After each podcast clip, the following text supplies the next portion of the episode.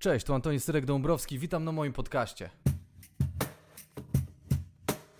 Pomysł jest prosty. Zapraszam gości, pytam jak dużo porażek po drodze w życiu odnieśli, jak było ciężko zanim się przebili, a my się resztą dobrze bawimy. Zostali zaproszeni przez jedną z amerykańskich wytwórni na trasę koncertową po Stanach.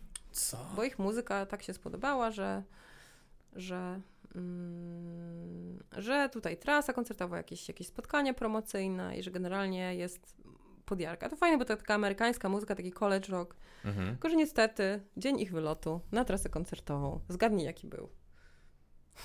Nie wiem, nie mam pojęcia. 11 września 2001. O nie, jak No. najgorzej. No i w tym czasie jakby zespół tego nie przeżył, nie? Jakby, znaczy, znaczy wszyscy przeżyli, ale no, samolot został zawrócony do Europy. Dzisiaj moim gościem jest Natalia Fiedorczuk, pisarka, wokalistka, kompozytorka, scenariopisarka, dramaturżka. No jest, jest niezwykle utalentowaną w, wie, w wielu dziedzinach osobą. E, dostała paszport polityki ze swoją debiutancką książkę, o czym też będziemy rozmawiać i o tym, jak do tego doszło. E, Natalia jest, e, no, nie, no, jest super osoba.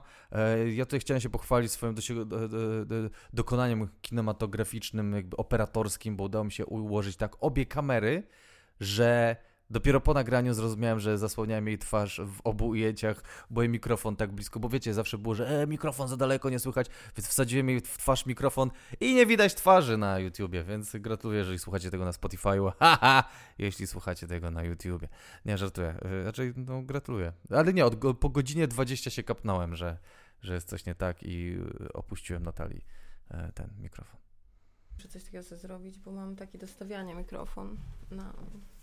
Też jakieś podcasty nagrywałam i, i No. live'y i było za każdym razem, bo jak się ekscytowałam, to waliłam w biurko. No ja też, no, no, no. I właśnie, y, ale to wiesz co, to z kolei ma o to. Aha, no właśnie, ale to można kupić zwykły statyw w sklepie muzycznym, nie? Takie są też przekręcone. Tak, no nie chciałem tego robić, bo jakoś mi się nie, nie podobało, nie pasowało mi do no, tym wiadomo, estetycznie. No tak, więc- no to ładnie wygląda. No wiem, ale dźwięk, no nie wiem, coś za coś. E, dzień dobry Natalio. Dzień E, dobry, jak- jak dzień dobry masz Antoni. Świetnie, mam się naprawdę świetnie. Ten niedzielny poranek. Już to nie taki poranek, no już jest południe. No dla mnie to jest poranek. To Okej, jakby- dobra. Mam, jak widzisz, e, wypisane informacje o tobie, A, tak? Siedziałem i okej, e, ten, okej, urodzona 6 maja 84 w Augustowie. to ja. Jak, jak, jak początek życia Natalii? Tak wyglądał właśnie. Urodziłam się w Augustowie, ale wychowałam się w Białymstoku przez pierwsze 19 lat mego życia. Mhm. A od 15 roku życia y, uczyłam się w liceum plastycznym w Supraślu, do któregoż to dojeżdżałam codziennie PKS-em z Białegostoku. Naprawdę? Tak. Jezu, ja byłem w, w Supraślu, cudowne miasto w ogóle. Cudowne, to prawda. Przepiękne, takie klimatyczne, aromatyczne słowa. Aromatyczne, tak, też bardzo aromatyczne. Wtedy też było aromatyczne i jedyne w swoim rodzaju. E, no i dobra, czyli wiesz, wiesz, wiesz na czym polega podcast, porażki, e, ten. Tak, tak. Powiedz mi, gdzie się zaczynają? Czy już w Supraślu mamy porażki, czy, czy ten, czy... Oj, znacznie wcześniej. już w Augustowie, no to za szybko No, wyszliśmy z. Augustowie, no nie, w Augustowie może to nie, w Augustowie spędzałam y, wakacje bardzo często, ponieważ mieszkała tam moja babcia, obecnie mieszka tam moja mama, w tym Mhm. mieszkaniu, w którym mieszkała babcia, na Gęsiej, w centrum miasta. To trochę świadczy o wielkości miasta, jak główna Tak, ulica, ulica jest jest, nie, to nie jest główna ulica, to jest taka boczna przy głównej, taka malutka, nawet nie, nie można tam jechać samochodem. Okej. Y, ale porażki, ja myślę, że zaczęłam od momentu gdzieś tam świadomego, y, świadomego współuczestniczenia w życiu społecznym. Y, No, kurwa. To, to, to... Y, No, przeszłam długą drogę ogólnie. Przeszłam długą drogę. Y, I pierwszy mój kontakt taki pozadomowy, bo ja w domu można powiedzieć, ja nie mam rodzeństwa, mm, A. jestem jedynaczką, jest taką troszeczkę taką wychuchaną i taką panią mądralińską, trochę córeczką wykochaną, co tak wszystko można się chwalić osiągnięciami, że już umie czytać, ma 3 lata i w ogóle jest taka, y, mm, że można być dumnym z takiego dziecka. Mhm. To przynajmniej moja mama tak, tak mi opowiadała. Y, No i potem przyszedł czas przedszkola, kontaktu, jeszcze to były czasy y, PRL-u.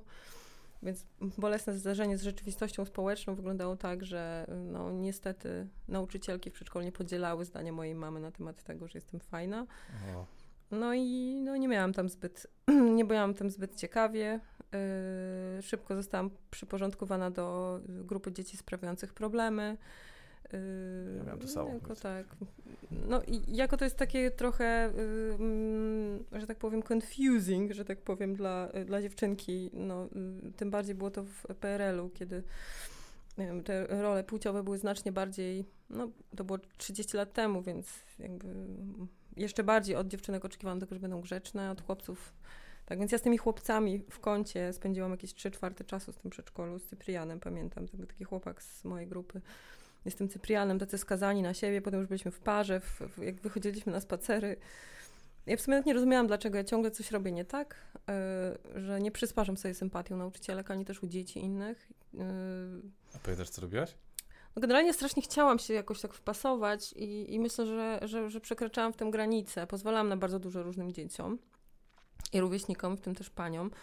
No i kiedy na przykład działy się jakieś niesprawiedliwe rzeczy, to natychmiast przekonana o słuszności własnego postępowania protestowałam i to też A. mnie skazywało y, na, na, na, pewnego rodzaju y, tam jakieś y, represje.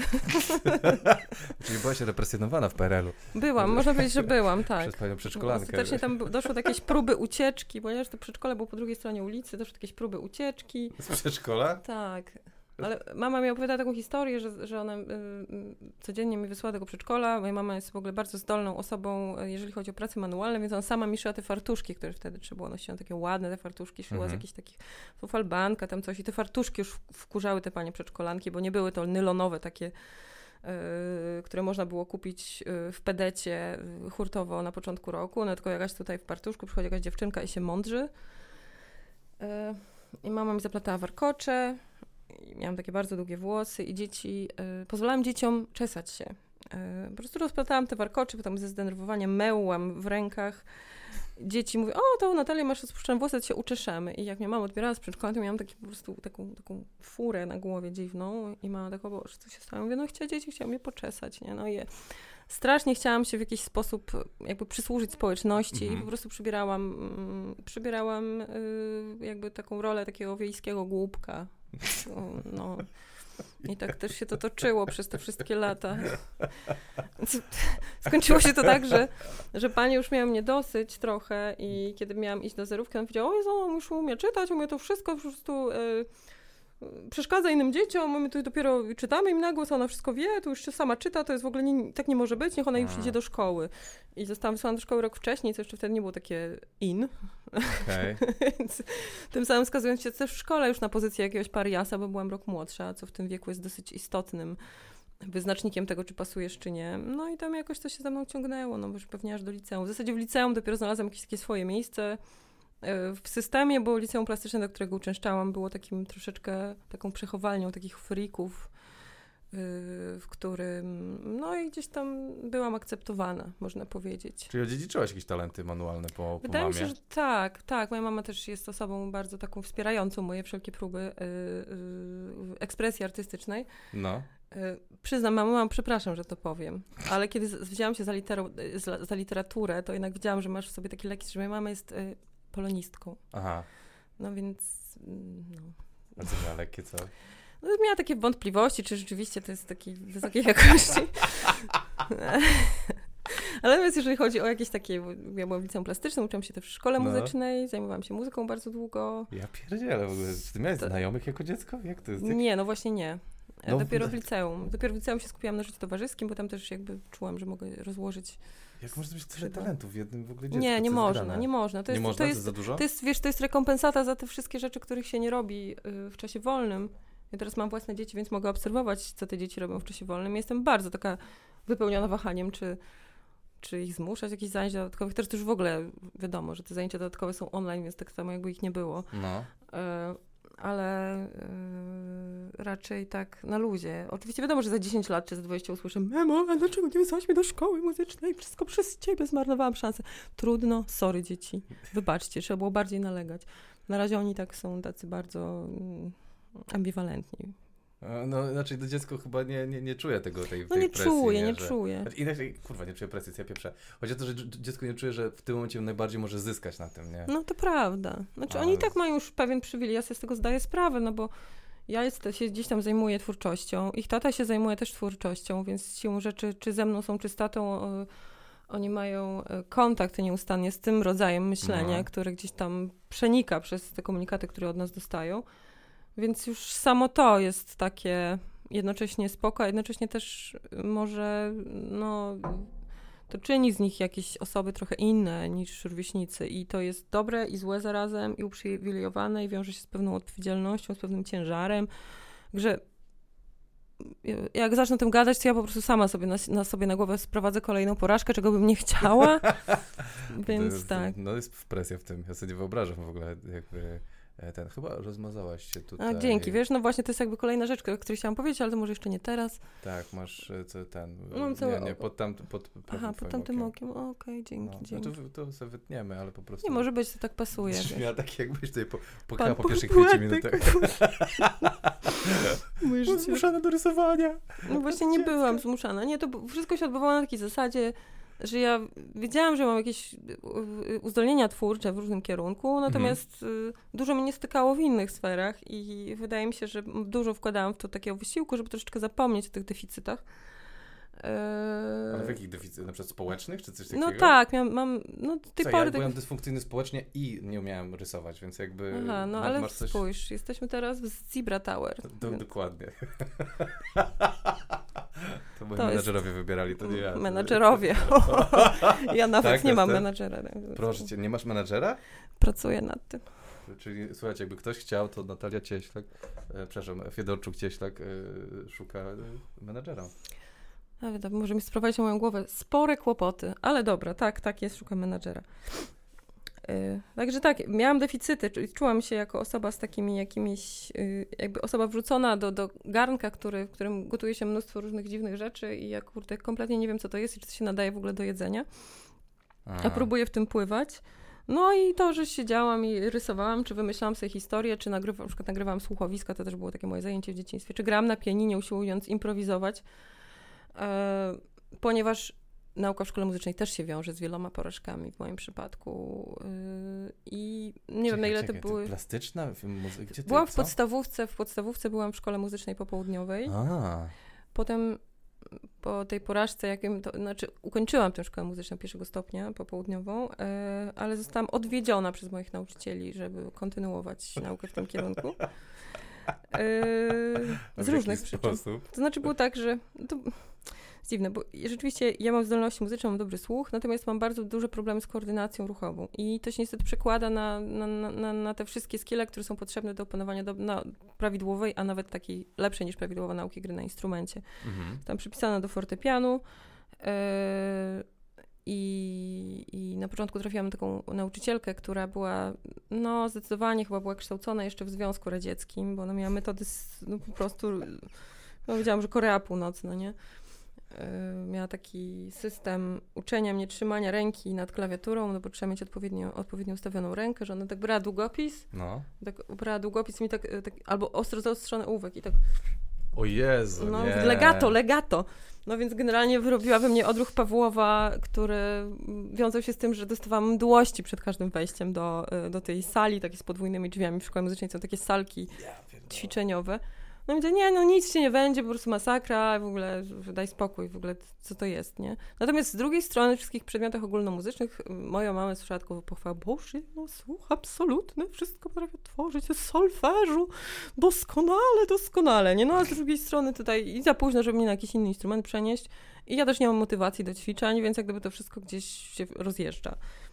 W końcu mama stwierdziła, że y, zmieni mi nauczycielkę, tam po dwóch, trzech latach. Ja też jakby trochę się wstydziłam, powiedzieć, myślałam, że tak trzeba, no ale ona gdzieś tam się strasznie przejęła. No. Z kolei trafiłam do nauczycielki, która zazwyczaj y, uczyła dzieci takie, takie dzieci z problemami. Więc tam były dzieciaki z ADHD, takie trochę właśnie aut- autystyczne, jak ja, taki, taki chłopiec, który miał lekcję przede mną, ja zawsze czekałam na tą lekcję. Pani mi robiła taką strasznie słodką herbatkę, bo strasznie miła pani Ala. I ten Piotrek, który był przede mną, y, miał, miał, miał, taki, miał, taki, miał taką learning curve, że za każdym razem, jak udało mu się zagrać tą etiudę, to pani Ala mówiła, dobra robota Piotrek, możesz się pokręcić. I on robił tak przez chyba trzy minuty, że na tym stołku do pianina. Ja mówię, okej, spoko, pani, pani Ala naprawdę była super. No ale jak gdyby bardziej skupiała się na tym, żebym ja się dobrze czuła, niż żeby mnie czegokolwiek nauczyć. E, No i potem też stwierdziła, że jednak y, no, y, że może jednak jakiś inny nauczyciel. W końcu trafiłam do pani Bożenki. Pani Bożenka już powiedziała, już za późno, nie? Już A ile miałeś lat wtedy? Jak już jest- 11. I za późno, już koniec. No tak, ale to jest, chodzi o, o, o technikę gry na instrumencie. No, szkoła muzyczna pierwszego stopnia. Do tej pory tak wygląda, że skupia się na tym aspekcie wykonawczym yy, i na rozwijaniu techniki gry. Mhm. Fortepian to jest trudny instrument, wbrew pozorom. No, trudniejsze są chyba tylko skrzypce. Okazało się, że skrzy- na skrzypcach nie było miejsca, kiedy zaczynałam tę szkołę muzyczną i, i skierowano mnie na fortepian. No i się okazało, że już z tą ręką nie dało się jej tak ładnie wytrenować, żeby można myśl- by było myśleć o mnie w charakterze osoby, która zajmie się kiedyś pianistyką. Mm. No i pani Bożenka już pod sam koniec szkoły powiedziała, no mam nadzieję, że nie wybiera się do drugiego stopnia. Powiedziałam nie. Jezu, jak miło. Jeszcze, mać. no niestety to tak wygląda i z tego co słyszę, różne historie o dzieciach, które teraz się uczą w tym No. systemie, to się niewiele zmieniło. Czyli system edukacyjny dba o dziecko po. System edukacji pełni. artystycznej, przynajmniej w tym muzycznym takim kąciku, może się tam coś zmienia. Ja nie wiem dokładnie. I też być może dlatego też mam obawy przed, No. yy, mimo że moje dzieci mają zdolności muzyczne, żeby no właśnie poszły taką drogą, bo, bo, bo nie. no to może zabić fan w ogóle z, z muzyki. No to zabiło na długo, natomiast nie na zawsze. No, to... widzę po twoich dokonaniach, że, że nie na zawsze. Mm, No i później, y, jako że w podstawówce byłam w szkole muzycznej i w szkole podstawowej, która była dosyć wymagająca, bo rodzice stwierdzili, że wyślą mnie, bo widzieli, że ja mam jakieś takie trudności, nie? Mhm. Że w sumie jestem inteligentna, ale coś tam nie, coś tam taki, jakaś ta klepka jest obluzowana, więc stwierdzili, że y, no, no tak, no. A Miałeś testy na inteligencję jako dziecko? Miałam, właśnie o to chodzi, tam było bardzo dużo tak zwanych y, mm, inconsistencies, nie? Jak to mówią? No, E, brytole, czyli niespójności? Tak, to były niespójne rzeczy gdzieś tam bardzo wysoko, to potem tam bardzo nisko i e, jeszcze wtedy ten jakiś taki system wspierania uczniów, który mają jakieś tam specjalne potrzeby, tak jak się teraz mówi, no nie był zbytnio rozwinięty, ale moja mama jako pedagogzka gdzieś miała takiego czuja, że o, to dobrze, tu taka powstaje taka szkoła społeczna, którą y, otwierają znajomi ze studiów, też pedagodzy, więc to będą, będzie fajna szkoła, to nie będzie ten moloch postkomunistyczny, to będzie szkoła, gdzie będzie po kilkanaścioro dzieci w klasie, może się odnajdziesz. Mm. No i trafiłam do tej szkoły, ale ona w bardzo krótkim czasie okazała się taką, em, bardzo zaczęła ładnie współgrać z, z tą transformacją ustrojową, która w tym czasie w Polsce zachodziła, bo o ile początkowo idea tworzenia nowej, nowej edukacji w tej wolnej Polsce A, była pamiętam, bardzo tak. fajna, to w pewnym momencie ta idea wolnej edukacji zaczęła się zmieniać w ideę prywatnej edukacji i do szkoły zaczęli trafiać rodzice i dzieci, którzy po prostu w bardzo krótkim czasie, na początku lat 90., y, zaczęli być bardzo zamożni. I oni też zaczęli wpływać troszeczkę na to, bo taka też jest idea szkoły społecznej, między innymi, na to, w jaki sposób wygląda nauczanie, jakie są cele, y, z kim te dzieci mają się uczyć, czego mają się uczyć, co mają osiągnąć. To jeszcze było takie czyste. Teraz to już może tak, tak, tak, trochę nie ma, już trochę więcej wiemy, tak mi się przynajmniej wydaje, ale mów tak, no tak. I y, żeby jednak te wyniki były jak najwyższe, więc y, wszyscy nauczyciele byli bardzo ambitni i tym dzieciom ta ambicja też się udzielała. No ja absolutnie nie byłam w stanie tego jakoś sobie poskładać, bo, bo, bo no miałam różne trudności. Miałam duże trudności z koncentracją, trudności z wpisaniem się w grupę. Chodziłam jeszcze do tej szkoły muzycznej, co też zabierało mi dużo czasu na naukę, więc jak gdyby nie byłam jakimś super asem, jeżeli chodzi o, o, o wyniki. I tak systematycznie odsuwałam się od tych aktywności takich tych, tych konkurencyjnych, y, które by gdzieś tam mnie wpychały w to współzawodnictwo.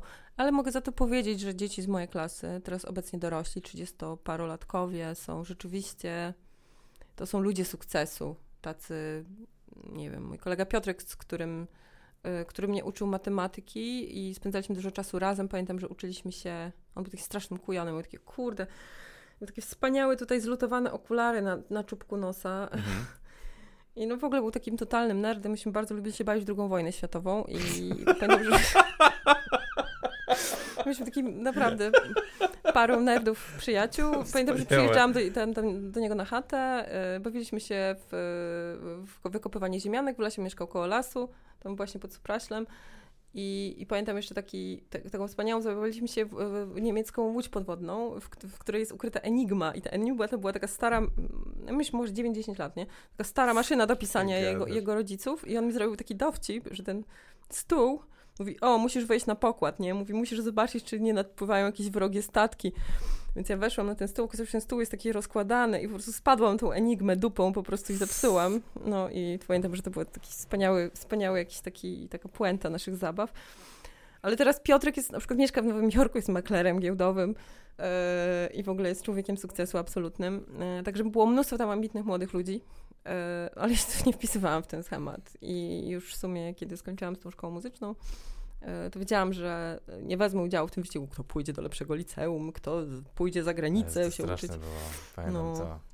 Ja też, mi, mi, rodzice, y, y, ja pytałem o te, te testy na inteligencję, bo mi w podstawce rodzice zaczęli robić testy na inteligencję, czy nie jestem debilem, bo ja nie, nie dość, że nie, że nie przejawiałem talentów tak jak ty, to jeszcze nie, nie wpasowywałem się w grupę i wybrali mi prywatne liceum, żeby można właśnie y, prywatną ten, bo ja bym się nie dostał do żadnego liceum. Więc kumam, kumam ból. Tak, myślę, że też mieli ze mną dużo zgryzot. Wreszcie ja, ja tak postanowiłam trochę tak od czapy, aha, dobra, no to z plastiki mam tą piątkę, no to pójdę do plastyka i, i spędziłam rok na przygotowywaniu się tych egzaminów. Pani od plastyki też nieszczególnie ze mną przepadała, ale jakoś pogodziła się z tym, że żadn, żadne z jej ulubieńców akurat nie wybiera się do plastyki. Mówię, a dobra, to już cię przygotuję, nie? Tego mówię, okej. No ale pamiętam jakiś taki swój, swój moment triumfu, że egzaminy do plastyka były jakoś znacznie wcześniej niż egzaminy do pozostałych liceów, bo wtedy jeszcze były egzaminy wstępne. No tak. I, I pamiętam, że już dostałam tę informację, że się dostałam i pamiętam takie moje takie... Mm, tak, wszyscy siedzą i kują, a ja po prostu już mam to z głowy i też nauczyciele mnie traktowali trochę inaczej. w związku z tym nie, nie cisnęli mi tak bardzo. No więc, no tak, no i tym plastyku, mimo że szczególnie przez te pierwsze dwa czy trzy lata nauki w liceum plastycznym, mimo że no, było liceum wyspecjalizowane i z bardzo dużą ilością godzin tych pracy i artystycznej i takiej rzemieślniczej, no bo tam jest taka podbudowa rzemieślnicza, skończyłam w ogóle tkactwo, jeżeli... Co? Tkactwo artystyczne. Chciałam iść na początku na snycerstwo. To jest, snycerstwo to jest praca z drewnem związana blisko z meblarstwem i stolarką, ale taka bardziej artyst, taka bardziej rzemieślnicza, związana No. z tym, że właśnie się tam robi różne takie elementy ornamentowane i, i, i inne. Dużo, bo jakoś mnie ciągnęło do tego majsterkowania. Natomiast pamiętam, że na pierwszym spotkaniu z potencjalnymi wychowawcami były dwie klasy. Jedna była tkacka, druga była snycersko-graficzna. Ja chciałam też iść na to snycerstwo, ale pan wychowawca, pozdrawiam wszystkich znajomych z klasy snycerskiej, którzy y, zachowali palce przez te pięć lat nauki. Ale pan, tak, pan wychowawca, y, pan wychowawca klasy snycerskiej tak zaczął opowiadać, opowiadać, patrz, on nie ma trzech palców, nie? No myślę sobie, o nie. Może to nie jest moje przeznaczenie jednak, bo ja wtedy już chciałam, tak miałam taką lekką myśl, że może chciałam grać na gitarze. I, y, no i poszłam na tkactwo i nie straciłam palców. Albo Gratuluję. jeden mój kolega z tej syncerskiej klasy, rzeczywiście, to, ale to już było w czwartej klasie, już teoretycznie powinien wiedzieć, jak obchodzić się z pilarką Nie. tarczową. e, No, stracił kawałek paluszka, niestety. O kurwa, No. to współczuję bardzo. Oczywiście to była taka szkoła, szkoła bardziej, w której e, tak, ten przedmioty ogólnokształcące nie były szczególnie, mm, nie było dużego nacisku na naukę, z drugiej strony można było sobie też troszeczkę przepękać te przedmioty artystyczne. e, nauczyciele mieli bardzo dużo wyrozumiałości dla nas. Ja miałam też za dwie poprawki z liternictwa w przeciągu pięciu lat nauki. Liternictwo to jest coś takiego, teraz to pewnie wygląda inaczej, ale to jeszcze były czasy, kiedy nie uczyliśmy się projektowania na komputerach, tylko się wszystko robiło ręcznie, więc trzeba było sobie wszystko wykminić i potem wyrysować takim cienkim pędzelkiem, jak robiliśmy plakaty, rysowaliśmy napisy, literki, czyli to wszystko, co teraz można w 5 minut zrobić w Corelu, czy tam w Illustratorze, trzeba było zrobić ręcznie. O, No, no taka benek- benedyktyńska robota. E, No i miałam dwie poprawki z tego przedmiotu przez własne lenistwo, bo tego mi się nie chciało, ale za to raz na zawsze nauczyłam się z, tych zasad kompozycji. Teraz jestem bardzo, bardzo surowa Czego? wobec się- kompozycji. kompozycja, okej. Tak, i teraz nawet już. Rzeczywiście to mi się przydało, że, że, że przez wakacje siedziałam i po prostu ryłam te literki po prostu cienkim pędzlem. No takie. Jak taka kara w średniowieczu trochę dla tych.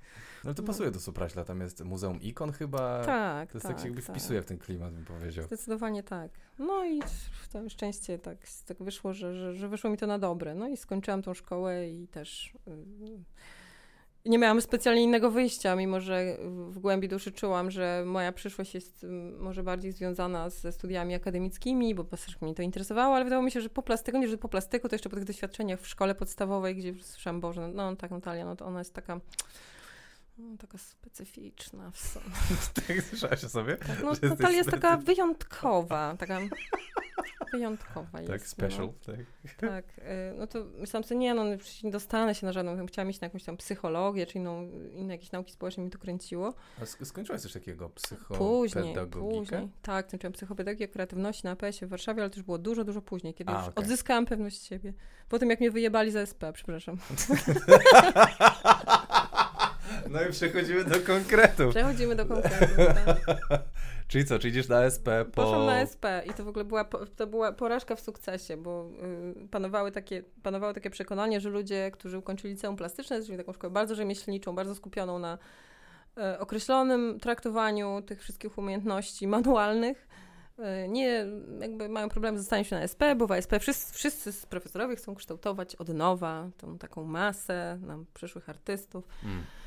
Ale mi się udało tam dostać, nie wiem jak, ja po prostu nie wiem. Pojechałam na egzaminy i miałam taki plan, że y, w sumie jak się nie dostanę, to może mi się uda dostać na architekturę w, y, w Białymstoku na Polibudę. No, a jak nie, no to zobaczę, to tam może wyjadę za granicę, coś tam, koleżanka, moja przyjaciółka najlepsza była za granicą i tak myślałam, że zawsze mogę sobie jakiś tam scenariusz tego typu. Poza tym grałam w zespole już wtedy i myślałam sobie, aha, no to wtedy przynajmniej miała pretekst, że zostanę z chłopakami nagrać jeszcze rok, może to płytę wreszcie nagramy. To he- Happy Pills, tak? Nie, to no znacznie jeszcze- wcześniej, Oj, to za... tak, tak, że ja zaczęłam grać w zespołach, miałam 17 lat. A, no to E, jest, Pierwszy zespół był w. Przedinternetowa historia jeszcze. Tak, tak. Mieliśmy profil na WP Muzyka. Pierwszy, jeszcze nie było MySpace'a nawet. No. E, W każdym razie pojechałam na te egzaminy wstępne bez żadnych większych To jest do. Warszawy? Jest tak- nie, do Poznania. Do Poznania, dobra. I chciałam jechać do Poznania, bo też miałam już w sobie taki, taki drive. Myślę, o nie, no bo Warszawa tak blisko domu, nie? Musiała wracać na każdy weekend do domu. Więc jak się czuła taka zobligowana, mówię, do Poznania, do, do, raz na dwa miesiące wtedy i tak się werwę rodzicom trochę. No i się dostałam do tego Poznania na, na sztukę nowych mediów, na intermedia. E, kompletnie nie wiedząc w ogóle, co to jest za kierunek. Ostry Kompletnie... przeskok właśnie od, od rycia w drewnie do No nowych tak, mediów. tak. No ale ja lubiłam robić zdjęcia, wiesz, bardzo się interesowałam kinem i jakimiś takimi... I wydawało mi się, że sztuka współczesna jest taka wow. E, e, Zdarzało mi się już na przykład gdzieś tam jeździć na jakieś wystawy. Byłam na dokumenta w Kassel, bo moja ciocia tam mieszka, mieszkała w Niemczech i zabrała mnie na, na tą wystawę, kiedy byłam w wakacje ją- odwiedzić. Tuż przed właśnie rozpoczęciem e, nauki na Akademii Sztuk Pięknych w Poznaniu byłam taka pod ogromnym wrażeniem, że sztuka współczesna daje tyle możliwości wyrazu. Są takie rzeczy, takie, takie zagadki, których nie rozumiem i w ogóle wspaniale. No, ale to, mm, później życie to zweryfikowało. E, No, trafiłam, trafiłam do, do Poznania. Tata mnie zawiózł tam 30 września, pod, wysadził pod akademikiem i tam wystawił mnie z tym komputerem i walizką i, i poduszką. I tak się zaczęła moja przygoda z SP. No. Nie wiem, czy jest kwestia tego, że trafiłam na taki kierunek, który w zasadzie nie miał wtedy żadnego kierunku, bo pracownie na mojej specjalności to były pracownie od sasa do lasa i, i w sumie wszystkie dotyczyły czegoś bardzo podobnego, ale były subiektywnie prowadzone przez zupełnie różne osoby, które też tam miały jakąś swoją agendę i jakieś tam swoje pomysły na to, kim powinien być idealny artysta, kim powinien być student, jak powinien się student zachowywać, jak powinien myśleć. E, Trafiłam po prostu w jedną wielką niewiadomą, która sprawiła, że mało mi nie wybuchła głowa, Hmm. bo ja spodziewałam się, że no ktoś po prostu życzliwie mnie będzie, życzliwie będzie mnie kierował, ktoś mi gdzieś tam podciągnie warsztat, powie mi, czego mi brakuje, że na przykład takie, no, mogę robić takie zdjęcia, że mogę w taki sposób pracować z kamerą, bo to wszystko było gdzieś tam, w- niby w programie tych studiów, tak przestudiowałam ulotkę. E, No ale się okazało, że nagle zaczyna się, zaczynają się zajęcia i muszę przez najbliższe trzy miesiące przygotować jakieś cztery pr- projekty, w ogóle, które nie wiem, nie mam pojęcia, jak będą wyglądały i w zasadzie nikt mi w tym nie pomoże, nie? Jeżeli Mhm. gdzieś sama muszę wszystko zorganizować. No ale studiowałam tam przez półtora roku i było mi dosyć trudno yy, gdzieś to wszystko złapać, o co tam chodzi, ale w zasadzie już po trzech miesiącach wiedziałam, że to nie jest dla mnie, że w ogóle sztuki, sztuka współczesna, sztuki wizualne w takim wydaniu Czemu przez ten, to jak oni prowadzili to Trochę tak, czy... ale- Trochę tak, to kurikulum było niedopracowane wówczas. Teraz wiem, że jest trochę lepiej, yy, bo tam też yy, kolega z mojego roku został później kierownikiem naszej katedry. O. I z tego co wiem, oni tak bardziej postawili na, na, na, na dużo praktyczniejsze skille, na pracę z kamerą, na, na mm, zapoznawanie się z na przykład w- z różnymi metodami wyrazu y, języka filmowego, co jest też bardzo fajne, bo to jest takie łączenie tych sztuk wizualnych i filmu. Czyli ten warsztat, o który ci chodziło. Tak, tak, ale to wtedy był początki tego kierunku i myślę, że, że on się dopiero kształtował. No a ja, jako że ja potrzebuję bardzo jasnych instrukcji, zwłaszcza jeżeli mam wypełniać czyjeś polecenia, to po prostu y, zwariowałam kompletnie. No, żeby się jakoś ratować, odnalazłam w Poznaniu y, muzyków do grania razem, bo już wtedy grałam od kilku lat i czułam, że to jest takie coś, co mi reguluje nastrój i potrzebuję tego Mm, potrzebuję tego bardzo, bardzo mocno, żeby coś, coś, coś się działo w tym obszarze. I, i, I tak też trafiłam na swój pierwszy zespół w Poznaniu. Z ogłoszenia w ogóle. Znalazłam ogłoszenie na SP. Y, na parapecie, że szukamy wokalistki do zespołu. Na parapecie. Podpisano Sławek. Pozdrawiam Sławka. Y, więc zadzwoniłam po ten numer. Powiedziałam, dzień dobry, jestem Natalia. Tutaj y, chciałabym przyjść na przesłuchanie. Nie wiem, jak to wygląda, co wy tutaj czego wy oczekujecie, co jest w ogóle za muzyka, więc on powiedział, no, no powiedz swoje ulubione zespoły, nie? I ja mówię, no, The Pixies, Sonic Youth, nie? On tak, dobra, dobra, przyjdź, nie? E, więc przyjechałam na to umówione spotkanie, najpierw, aha, najpierw się na jakimś piwie spotkałam z tym Sławkiem, patrz, przychodzi facet w ogóle starszy ode mnie, chyba z 15 lat, tak. okej, okay, dobra, nie? Powiedział, cześć, jestem dziadek, nie? Więc aha, pasuje wszystko. I mówię, dobra, no to powiedz o tych zespołach, co tam, wiesz? Ja mówię, no, no, że grałam w takim zespole Białymstoku, grałam na basie, jakieś takie swoje historie, w ogóle jest, też tam jest dużo różnych dziwnych historii z tym poprzednim zespołem. No i teraz jestem w Poznaniu, jestem na SP, ale bym gdzieś coś pograła tego, nie? On mówi, dobra, słuchaj, no to, ale musimy, cię, musimy sprawdzić, czy ty umiesz śpiewać. E, ja ci wyślę, czy tam nagrane na płytę, jeszcze to były takie, tam są takie demówki i ty sam sobie coś do nich dośpiewasz. Ja myślę, aha, mówię, a tutaj się sprawdzę, bo na ten miesiąc przed wyjazdem do, do Poznania rodzice postanowili kupić mi komputer. I to był mój pierwszy komputer w życiu i pierwsze, co zainstalowałam, to były programy muzyczne. Takie do, I spędziłam ten miesiąc wakacji, no to już się uczyłam sama tych programów muzycznych. Aha, mówię, już ja cię tutaj, ze Sławku, tu zagnę, nie? Więc co ja zrobiłam? Wzięłam sobie tą płytę, zripowałam to sobie do tego programu i to była moja pierwsza w życiu sesja nagrania, jeszcze nie wiedziałam o tym i po prostu tak długo wymyślałam, tak długo nagrywałam, tak długo odrzucałam yy, jakieś pomysły na, na, na, te ścieżki wokalu, że rzeczywiście w końcu trafiłam na coś fajnego. Yy, i, I Sławek do mnie zadzwonił, wziął, czy już coś wymyśliłam. Mówię, że tak, ale że potrzebuję tam przyjść na próbę, czy zaśpiewać. I, i, yy, i nagrałam to u niego później w studiu i no, i on mówi, no nie, no spoko, no trochę nie umiesz śpiewać w sumie jeszcze, ale super te linie wymyśliłaś. Ja mówię, no dobra. E, ale muszę się skonsultować z kolegami, nie? No i się skonsultował z kolegami, ale pogrywał ze mną, bo już powiedział, że już wiedział, że będzie ze mną chciał, chciał grać, jak powiedziałam, że Pixies i Sonic Youth, nie? Ale chciał mnie po prostu przytrzymać, żebym się nie poczuła zapewnie. Skurczybyk jeden. No. Co za rozgrywka na szczytach po prostu. Jezu, no ale... To... I to był mój pierwszy zespół, z którym grałam przez kilka lat i nagraliśmy płytę i rzeczywiście koncertowaliśmy. Się mhm. nazywał Plotki. I to rzeczywiście było tak, że ja byłam jedną dwudziestoletnią wokalistką i to był taki totalny cheesy po prostu stereotyp, że dwudziestoletnia wokalistka w takich butach, takich właśnie ala wczesna Kim Gordon do kolan, takich kozajach, po prostu jakichś postrzępionych spodenkach, taka... E, I ci goście z tyłu, tacy trochę w cieniu, starsi ode mnie, już taki rozpoczynający się kryzys troszeczkę wieku średniego. Pozdrawiam chłopaki serdecznie. Tomek, Janek, Sławek i, i e, drugi Tomek. Sorry, że tak mówię, no teraz już jesteście bliżej emerytury, no ale nie ukrywam, ja byłam... Byliście starsi ode mnie teraz. Tyle nie ma kurwa lat. No starsi ode mnie, 15, 15, 20 Jezus lat. No. Natomiast takim doświadczeniem rockowym początku lat 90., bo to byli ludzie, którzy grali w takich zespołach rockowych, e, które gdzieś tam się wybiły. Jeszcze na długo przed tym, jak, aż mi w ogóle przyszło do głowy granie w jakimkolwiek zespołu, w zespole, na tym takim boomie postgrunge'owo-rockowym tak. polskiego rynku muzycznego. I e, z taką, oni mieli jakąś taką ogromną potrzebę, żeby, bo zawsze gdzieś tam grali drugie skrzypce, żeby zrobić jakiś zespół, który właśnie gdzieś tam ten. Tylko, że myśmy nie trafili w swój czas, bo, bo to nie były czasy, kiedy muzyka, tak zwana muzyka, niezależna muzyka gitarowa w ogóle jeszcze była weszła, nie? A który to był rok? 2000... To był 2000, 2003.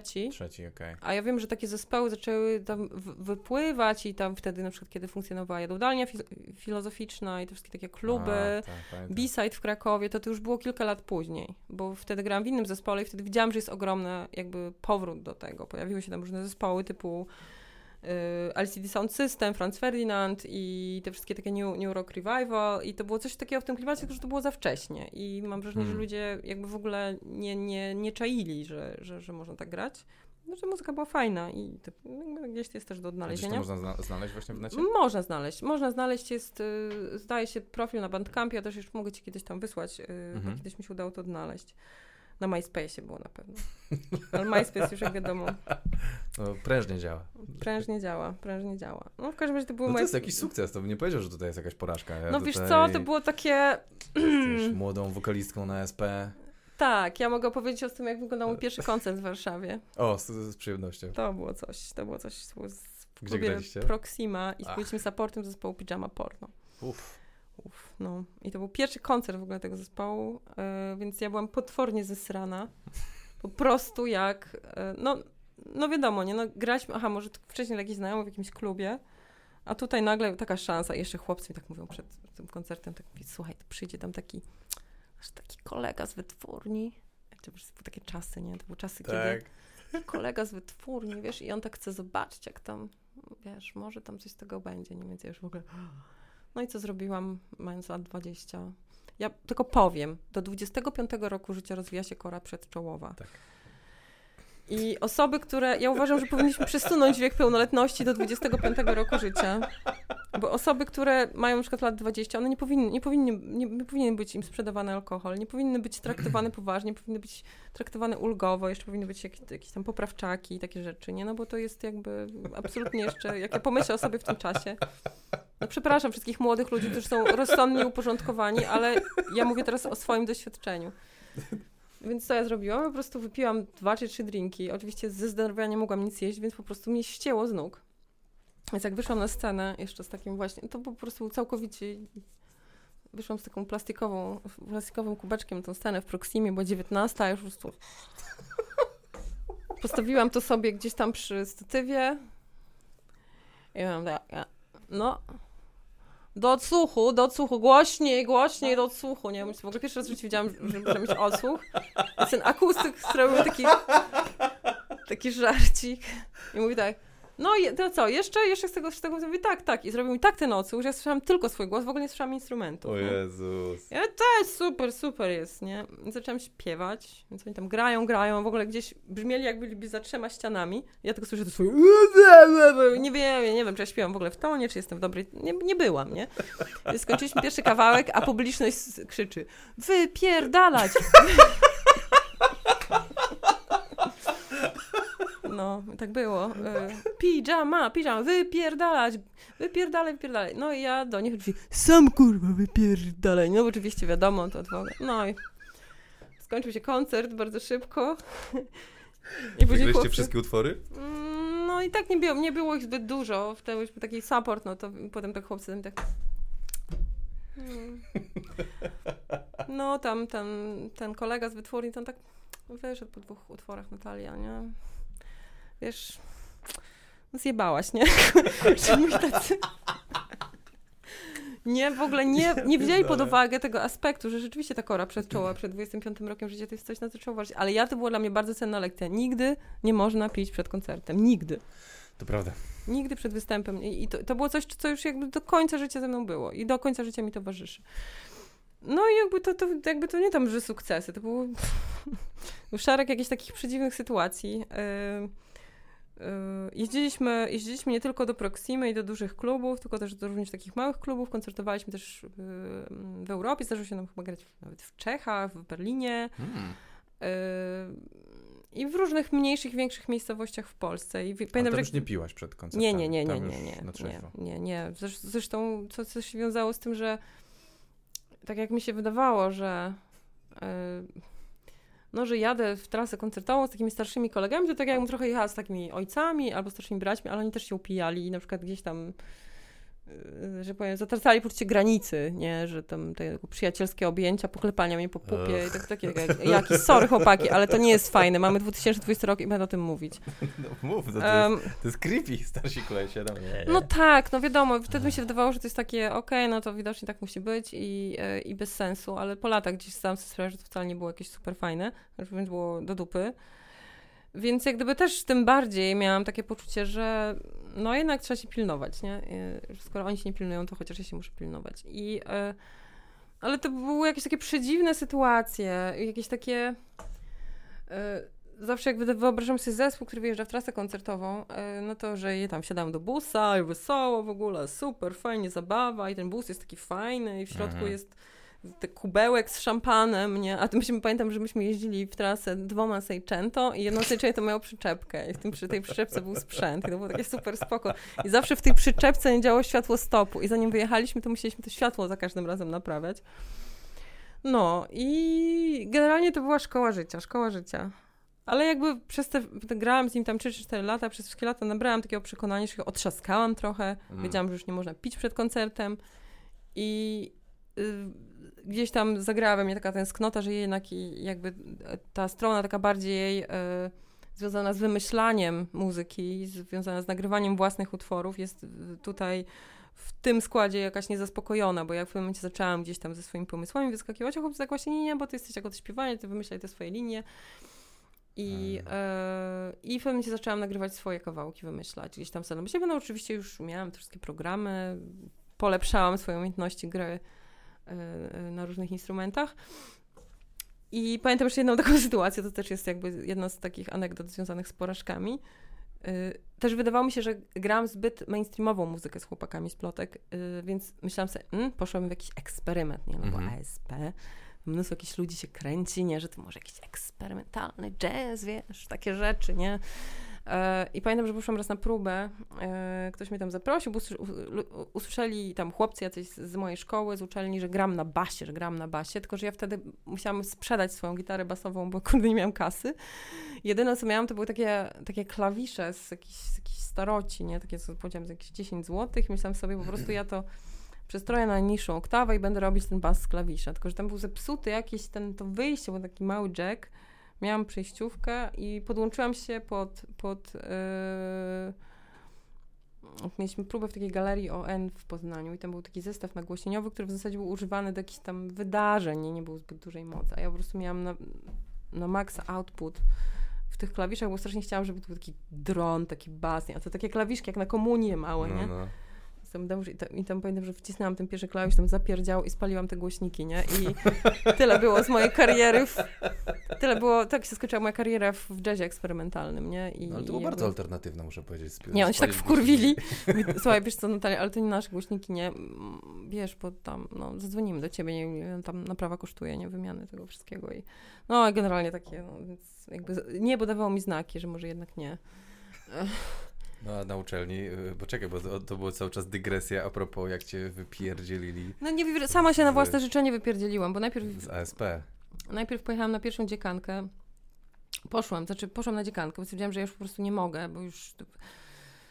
To nie jest to, co, to, co bym chciała i yy, stwierdziłam, że dobra, biorę urlop dziekański i wtedy się otworzyły granice Unii Europejskiej i Polacy mogli zacząć... zacząć 2003 rok. Czwarty. Czwarty, przepraszam, czwarty.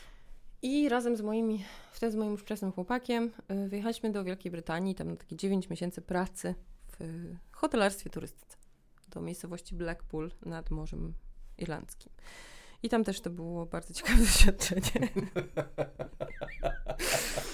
Ponieważ... Czekaj, Blackpool to jest tam, gdzie tam jest e, takie miasteczko? E, wesołe miasteczko, jest taka wieża, jest wielkie molo i to jest taki jeden z pierwszych w ogóle kurortów w ogóle w historii takiej zorganizowanej turystyki. E, czyli z początku XX wieku, który kiedyś był bardzo luksusowy, natomiast teraz jest absolutnie podupadły i przyjeżdżają tam ludzie, którzy absolutnie już są no taki mm, czaws, nie? Jak to się tak, mówi. Tak, tak, no. dresiarze. Dresiarze, są wieczory panieńskie, wieczory kawalerskie i to w takim stylu naprawdę powiedziałabym chucpy, nie? Więc ja w tych wszystkich, przy tych wszystkich, yy, że tak powiem, yy, miejscach ułatwiających zabawę tym przyjeżdżającym no. tam mm, Brytyjczykom przeważnie, pracowałam. Począwszy od mm, jakiegoś baru z kanapkami, byłam w tej, pracowałam w takiej korporacji, mnie przerzucano, więc był bar z kanapkami, był taki bar na molo, gdzie przychodziły rodziny z dziećmi, ale też te rodziny z dziećmi też się upijały w czasie, kiedy te dzieci biegały do pana molo, tak usiłowały gdzieś tam wskoczyć do wody. Pracowałam na karuzeli weneckiej, która była obok tego baru, więc byłam operatorką karuzeli, włączałam on i off. To też było bardzo ciekawe aż po taki bar weekendowy, to był taki nocny klub, który był tylko czynny w weekendy i tam się, tam po prostu, tam było, tam była Sodoma i Gomora, tam było salo absolutne. Bar się otwierał o 18 w piątek, tam był czynny do 3 rano w sobotę, potem było parę godzin dla nas na sen, taka zmiana i od 10 otwieraliśmy znowu. I, i tym przychodzili ludzie o 10 rano w sobotę i byli pijani w pół godziny. I ta zabawa trwała do, z krótką przerwą na posprzątanie między 16 a 18, trwała znowu do 3 w nocy. I w niedzielę jeszcze Wow. było dobicie, między 12 chyba a 18 i też ludzie przychodzili się na- napierdzielić, też ich po prostu ochrona prawie na takich szuflach jak do zgarniania śniegu wy, wyganiała. To jest taki bar w takim staroangielskim stylu, potwornie śmierdzący. Jeszcze był Tak. czas, gdzie się paliło w środku klubu, więc to wszystko było absolutnie jakby stęchłe. Wszystko w takim klimacie, no po prostu, no Monty Python, nie? No po prostu ku- To e, wiesz co- cztery bary, w- ogóle kobiety na tych wieczorach panieńskich, to nie jest tak, że wieczór panieński to, to jest, to są młode kobiety, które za chwilę wchodzą w dorosłość, to też wieczory panieńskie mają też 70-latki na przykład, które tam poszedł szósty wychodzą za mąż. No.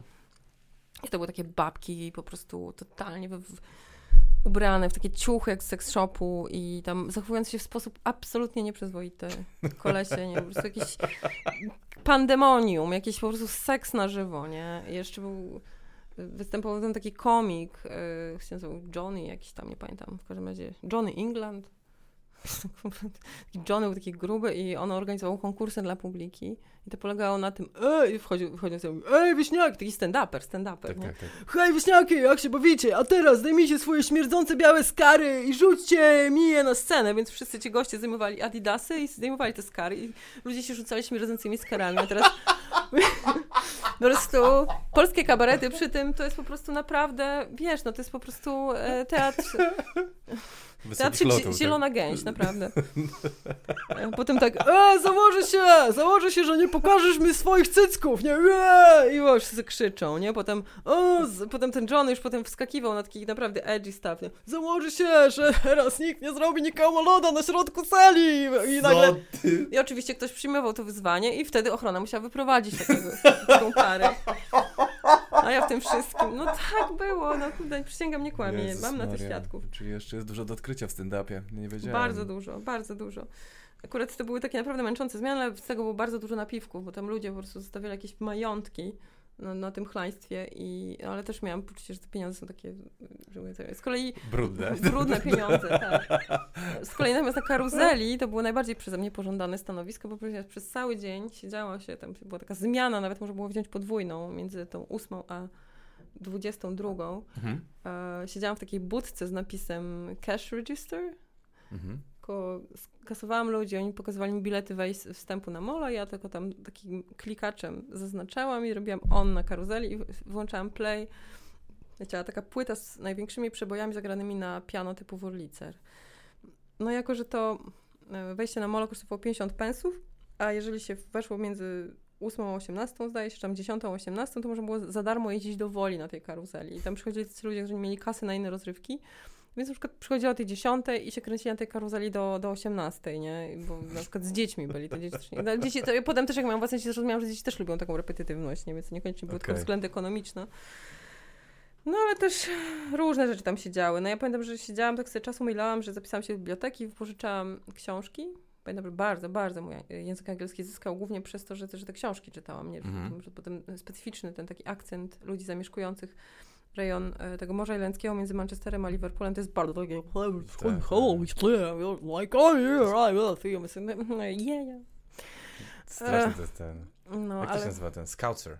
tak, o Jezu, tak. Scousers, tak. Bo, Mhm. wiesz, co, ja się śmiałem na początku, jak zaczęliśmy mówić o tym Blackpool, bo ja mieszkałem pod Manchesterem w- dokładnie A, w tym widzisz. roku, więc mogliśmy się w Blackpool minąć. Znaczy nie na tym wieczorze e, wtedy, Bardzo bo, możliwe. ale Boże, ja jeździłem na tej karuzeli. Może byłeś, może byłeś. Kto to wie? Że pamiętam sobie jakieś takie swoje, e, swój taki... E, mm, e, ale na przykład świetna w Blackpool była taka scena drag i to bardzo miło wspominam. O, tego nie wiedziałem. Bo tam jest taki jeden z bardziej znanych klubów e, dla drag queens i dla drag kings. On się nazywał e, Funny Girls. I to był fantastyczne coś, bo to była po prostu rewia drag. I to rzeczywiście czegoś takiego nie widziałam jeszcze w Polsce, mimo że tam gdzieś zdarzało mi się tu bywać. Jakby ta kultura jest tam fantastyczna i, e, i jakoś strasznie, strasznie mi się to spodobało. To tak w ogóle pasowało do takiej... E, to były jakby najpiękniejsze ptaki w tym strasznym zwierzęcu, który tam e, funkcjonowałam. Pamiętam, że jak szłam rano do pracy, na tą sobotnią zmianę do, te, do tego baru, on się nazywał Mary England, do tego Mhm. baru, takiego klubu pijackiego. Szłam taka rano, taka zgnębiona. Yy, I po prostu ludzie tam gdzieś leżący na plaży, yy, tacy z poprzedniego dnia, w ogóle zwaleni, wszędzie jakieś żygi, jakieś butelki. Yy, I taki nie napawający przyjemnością widok. I myślę, Boże, gdzie ja jestem? Jak wygląda moje życie? Co to ma znaczyć? Nie? I potem widziałam, szła sobie drag queen taka, która jeszcze nie była do końca zrobiona, ale szła właśnie na próbę do Funny Girls, ale już miała makijaż, Aha. że przepiękna, po prostu w jakichś takich obcisłych jeansach i tak mi z daleka do mnie machała i sobie, Boże, jest piękna na tym świecie, nie? Jakby to pamiętam, bardzo ratowała morale. No ale czasy, słodkie czasy pracy w Blackpool się skończyły i musiałam wrócić, wrócić do Poznania, no i próbowałam jeszcze wrócić na te studia i studiować przez kolejny rok.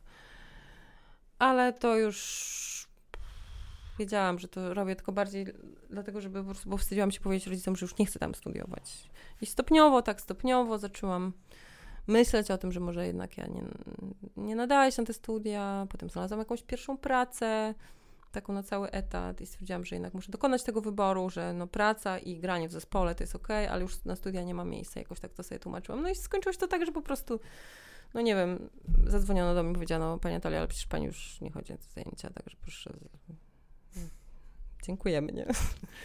Zresztą zdarzały mi się jeszcze jakieś, jakieś, jakieś takie akcje, że, że, że, zaczynało mi przez chwilę zależeć na, na, na, na tej sztuce. Ale pamiętam, że takim, e, taką e, ostatecznym krachem moich nadziei na zostanie artystką w dziedzinie sztuk wizualnych było, kiedy pięć lat po tym, jak pojechałam pierwszy raz na wystawę dokumenta w Kassel, jeszcze przed rozpoczęciem studiów na SP na intermediach, minęło 5 lat, ja już byłam na wylocie w tej szkole, potem oczywiście musiałam przez tą dziekanką, musiałam powtarzać rok, potem wzięłam jeszcze jedną, bo wpadłam w depresję, e, bo nie mogłam, tak, bo wtedy był taki pierwszy epizod depresyjny, taki ostry, rzeczywiście nie mogłam wstać z łóżka, bo nie mogłam się zdecydować na to, czy mam rzucić te studia, nie? I to Mm, niestety też rozumiem. się przyłożyło e, do tego. E, Miałem to samo po dziekance, że miałem no. rok depresji prawie, nie mogłem Jezu, tak, no bo- po kartce. Potworność No. jakaś, nie? I, i, I wiedziałam, że już po prostu no, muszę coś zrobić, ale nie mogę podjąć tej decyzji. No i to już było jakieś takie drugie podejście i pojechałam, pamiętam, na wakacje odwiedzić moją ciocię jeszcze raz y, w, w, w Niemczech. I pojechałam na te, na, te, na te dokumenta do Kassel, bo one się odbywają co 5 lat, więc była następna edycja. I pamiętam, że pojechałam z nią tam i taka, o fajnie, dobra, zobaczymy. I pamiętam, że weszłam do pierwszego pawilonu, bo to jest taka ogromna wystawa w kilkunastu miejscach w całym mieście. Dostałam takich mdłości, kurwa, że Sartrowi się o nich nie śniło, nie? Po prostu zżygać, mi- chciałam się żygać i po prostu nie, nie byłam w stanie obejrzeć tej wystawy do końca, nie? Mówiłam, Boże, moje ciało chce mi coś powiedzieć, nie? Wiem, że siedziałam na ławce, moja ciotka już tam chodziła, siedziałam na ławce i tak myślę, o nie, to jest znak, to jest znak. Jeżeli ja nawet nie jestem w stanie obejrzeć wystawy, po prostu mdłościami mnie napawa myśl o tym, że jest, na tej wystawie jest tyle znaczeń, tyle jakichś rzeczy, tyle historii, które tak naprawdę nic nie znaczą. Jakieś rzeczy, które ludzie zrobili tylko po to, żeby trafiły na tą wystawę, ale nie są wynikiem jakiegoś procesu, który coś cokolwiek Mm. zmieni. To jest po prostu koniec. Pamiętam, że wtedy to była jakaś taka y, decyzja zapadła, klapka się, klapka się zamknęła i myślałam, o nie, nie, nie, nie, nie, nie. No, ale zostałam z nieskończonymi studiami, nie? Co za porażka. No ale to jest, e, wiesz co, poruszyłeś straszną rzecz, która mi trochę wisi nad głową, że to, tak, to że trochę dygresję wpadnę, że jak tworzysz, jak jesteś już twórcą, to tworzysz czasami rzeczy już nie dlatego, że masz coś do powiedzenia, tylko Mhm. tworzysz, bo jesteś twórcą. No I to tak, jest no. taki kurwa strasznie dziwny punkt w życiu, że, że czasami są rzeczy, które na maksa chcesz opowiedzieć, Mhm. a czasami po prostu, no już to jest, mój to jest moja praca, więc robię tak. te rzeczy i dzień dobry, to jest moja wystawa. To prawda i ja gdzieś tam po latach znalazłam to sposób, bo ja po prostu co jakiś czas zmieniam dziedzinę i to mnie bardzo ratuje. Poza tym też równocześnie No to widzę, tutaj kilka jest, poletek uprawiam. to jest strasznie dużo się Mhm. dzieje u ciebie. No i co się po tych studiach dzieje? Jakby, w sensie po porzuceniu tych studiów. Rzuciłam studia, więc poszłam do pracy na cały etat. Yy, najpierw pracowałam, to też są historie z pracą, bo to jest ten dziki czas umów śmieciowych, bo to był rok 2005, nie 6, Aha. 2006. To jest dziki czas, yy, gdzie w tej tak zwanej branży kreatywnej, gdzie się zaczepiłam, no bo mm, siłą rzeczy miałam jakieś tam już kwalifikacje, bo znałam programy, byłam w stanie nad czymś tam pracować. Wcześniej robiłam, zdarzało mi się robić jakieś zlecenia związane z fotografią, z, z fotoedycją czy z grafiką. Mhm. Więc znalazłam pracę najpierw w takiej firmie reklamowej, która zajmowała się produkcją telewizyjną i znałam te programy do, do obróbki wideo i do obróbki animacji, więc tam się zaczepiłam i to też był po prostu Mm, tam się skończyło niezłym, niezłym disem, bo yy,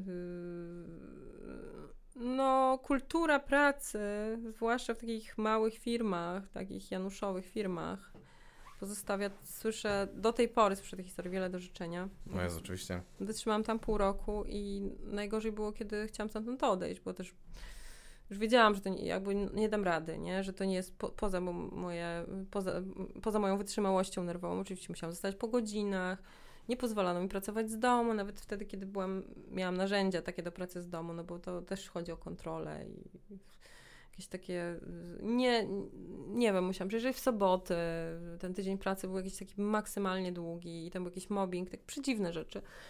No i jakby, kiedy powiedziałam, że już chcę odejść, yy, wydarzyła się taka sytuacja, yy, że zostałam zaszantażowana przez szefostwo, ponieważ zrzucono na mnie odpowiedzialność za jakiś błąd, za który zasadniczo nie powinnam ponosić odpowiedzialności. Błąd względem klienta, wydanie jakiegoś nieprawidłowego pliku, bo to wydawaliśmy jakiś spot do telewizji, y, w którym yy, ścieżka dźwiękowa była nie taka. Mój szef bezpośredni był w tym czasie na nartach i w ogóle instrukcji na temat tych plików udzielał jeszcze innemu koledze, natomiast za mnie, jakby ja musiałam ponieść odpowiedzialność i, i, i, i usłyszałam coś takiego na tej rozmowie, to była w ogóle potworna rzecz.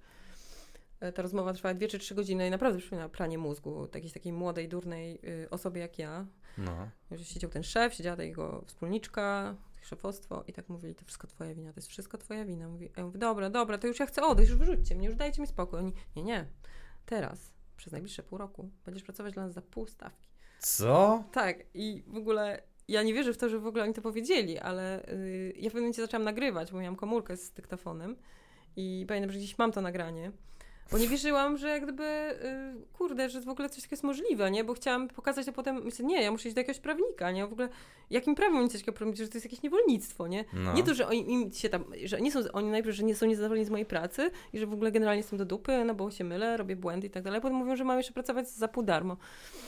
Bo muszę jakby odpracować y, tę kasę, bo oczywiście to jest, klientem była duża firma, a duża firma ma duży zespół prawniczy i jeżeli nieduża firma, która jest podwykonawcą, dopuści się jakiegoś błędu, to natychmiast ci prawnicy się do tego czepiają, żeby na przykład, e, no bo to jest zysk. Mhm. Można zagrozić sądem, powiedzieć, że to, nie jest, nie, to jest niezgodne z umową, w związku z tym na przykład cała kampania, za którą płacimy ileś tam set tysięcy złotych, będzie wykonana za jedną setną cenę, nie? Okay. No bo musimy no, się wypłacić, nie? No, no, no, no.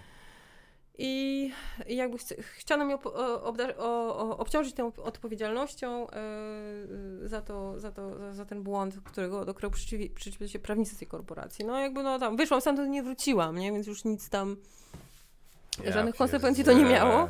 Ale, ale to jakby e, porażki w miejscach pracy też są mi nie obce, nie? Jakieś takie sytuacje, w których nagle, boże, gdzie ja jestem, co tu się dzieje w ogóle, co ja tu robię, nie? To nie jest tylko karuzela w Blackpool, ale Polska, mój kraj w ogóle. No, później, później pracowałam, przeżyłam taką przedziwną rekrutację do korporacji, mhm. której do tej pory nie wiem, czym się zajmuję.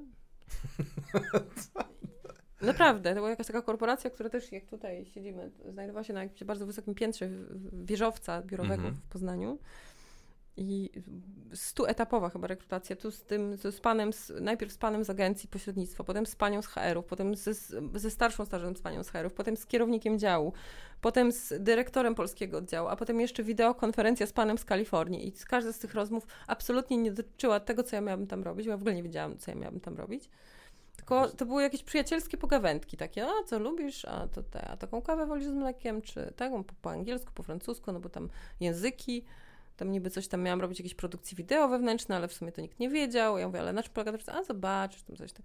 I w międzyczasie też starałam się o pracę w lokalnej telewizji w Poznaniu jako, jako montażystka i dostałam tą pracę w telewizji jako montażystka i ona mi się podobała, mimo że płacono znacznie mniej i zapomniałam w ogóle, już zaczęłam pracować w tej telewizji i... Mm, zapomniałam o tej rekrutacji do korpy yy, i w pewnym oni zaczęli do mnie dzwonić, mamy dla pani ofertę tutaj, taka i taka. Kasa w ogóle co? Że tam w ogóle trzy razy więcej niż tutaj zarabiałam wtedy w tej telewizji, ale ja mówię, ale ja nie chcę mi się spodobać w tej telewizji, no fajna kasa, spoko, no ale ja w ogóle co ja miałam tam robić? Nie, nie, co ja zostanę w tej telewizji, nie, tak mówię temu facetowi z tej agencji pośrednicy, a oni w ogóle myśleli, że ja, że ja w ten sposób chcę negocjować, no, więc jeszcze będę chcieli mi przez kolejne dwa tygodnie, mówię, a, no to może sześć, to może jeszcze pakiet multisport, nie, ja mówię, ale nie, ja nie chcę, nie, i po prostu będziecie, na pewno myśleć, że jestem jakimś debilem, nie, ale... Ja sobie po latach zdałam sprawę, że to były negocjacje, że, że, że, że oni pomyśleli, że to są negocjacje. Ja po prostu chciałam odmówić, powiedzieć, że nie, jakby ja nie wiem, bo w ogóle po latach rozmawiałam z osobą, która od lat pracuje w korporacji i powiedzieli mi, że to właśnie tak wygląda. To gratuluję, czyli umiałaś negocjować zanim jeszcze umiałaś negocjować. Tak, że w, ogóle jakby nawet nie mając świadomości tego, że negocjuję, że to jest naprawdę duży skill, mogę sobie pogratulować. No ale cały czas jednocześnie widzę, że te happy pills y, jakby się gdzieś pojawiają, więc Tak. nie rezygnujesz z, ka- z kariery Nie, muzycznej. nie, potem Z zarasta... artystycznej bym powiedział. No tak, częściej. sztuka, kultura. Uch, straszne. Tak, rozstałam się z zesp- zespołem Plotki i zaczęłam grać z zespołem Orchid, który funkcjonował trochę bardziej na zasadach takich partnerskich, bo to byli ludzie w moim wieku e, wówczas. Ym, I zaczęliśmy pracować nad materiałem, ym, który ostatecznie znalazł swój, finał na płycie, którą nagraliśmy, wydaliśmy. Yy, I graliśmy razem przez 3 lata. I w międzyczasie też zaczęłam grać z Happy Pills. Happy Pills to jest zespół, który swoje korzenie ma w latach 90., których, który też ma, jeżeli to jest, to jest ciekawe, bo zespół Happy Pills ma y, historię y, za sobą wielu, spek- znaczy dwóch takich spektakularnych porażek, które mi się bardzo podoba i mogę ją tu przytoczyć. Mhm. Pierwszą spektakularną porażką zespołu Happy Pills jest to, że zostali zaproszeni na. mm, To jeszcze były czasy, w których nie, y, nie grałam w tym zespole, był początek lat 2000. Nie powiem dokładnie jaka data, żeby nie zepsuć żartu. Jesteś w E, Blackpool no, w tym momencie. Jestem cześć, nawet jeszcze jestem w Białymstoku, nie? W każdym razie zostali zaproszeni przez jedną z amerykańskich wytwórni na trasę koncertową po Stanach. Co? Bo ich muzyka tak się spodobała, że, że, mm, że tutaj trasa koncertowa, jakieś, jakieś spotkania promocyjne i że generalnie jest podjarka. To fajne, bo to taka amerykańska muzyka, taki college rock. Mhm. Tylko, że niestety dzień ich wylotu na trasę koncertową. Zgadnij jaki był. Nie wiem, nie mam pojęcia. 11 września 2001. O nie, jak No. najgorzej. No i w tym czasie jakby zespół tego nie przeżył, nie? Znaczy, znaczy wszyscy przeżyli, ale no, samolot został zawrócony do Europy.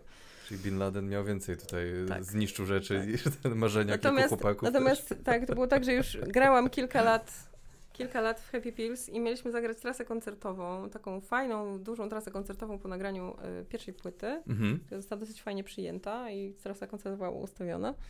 Niestety miała się zaczynać 10 września 2010, 10 kwietnia 2010. To jest jakiś, jakiś Nostradamus tam. To jest fatum, po- to ten- jest fatum. A czy Happy Pills planuje jakiś w, w, w, Mieliśmy, 2020 słuchaj, mieliśmy grać, w marcu? Nie, mieliśmy, dokładnie mieliśmy grać na festiwalu? Spring, Spring Break w, w Poznaniu. Naprawdę? Tak, no i został odwołany. No, no. Ale kiedy mieliście grać? No, no wtedy, kiedy był sam środek lockdownu, to było Napra- wiosna. Tak.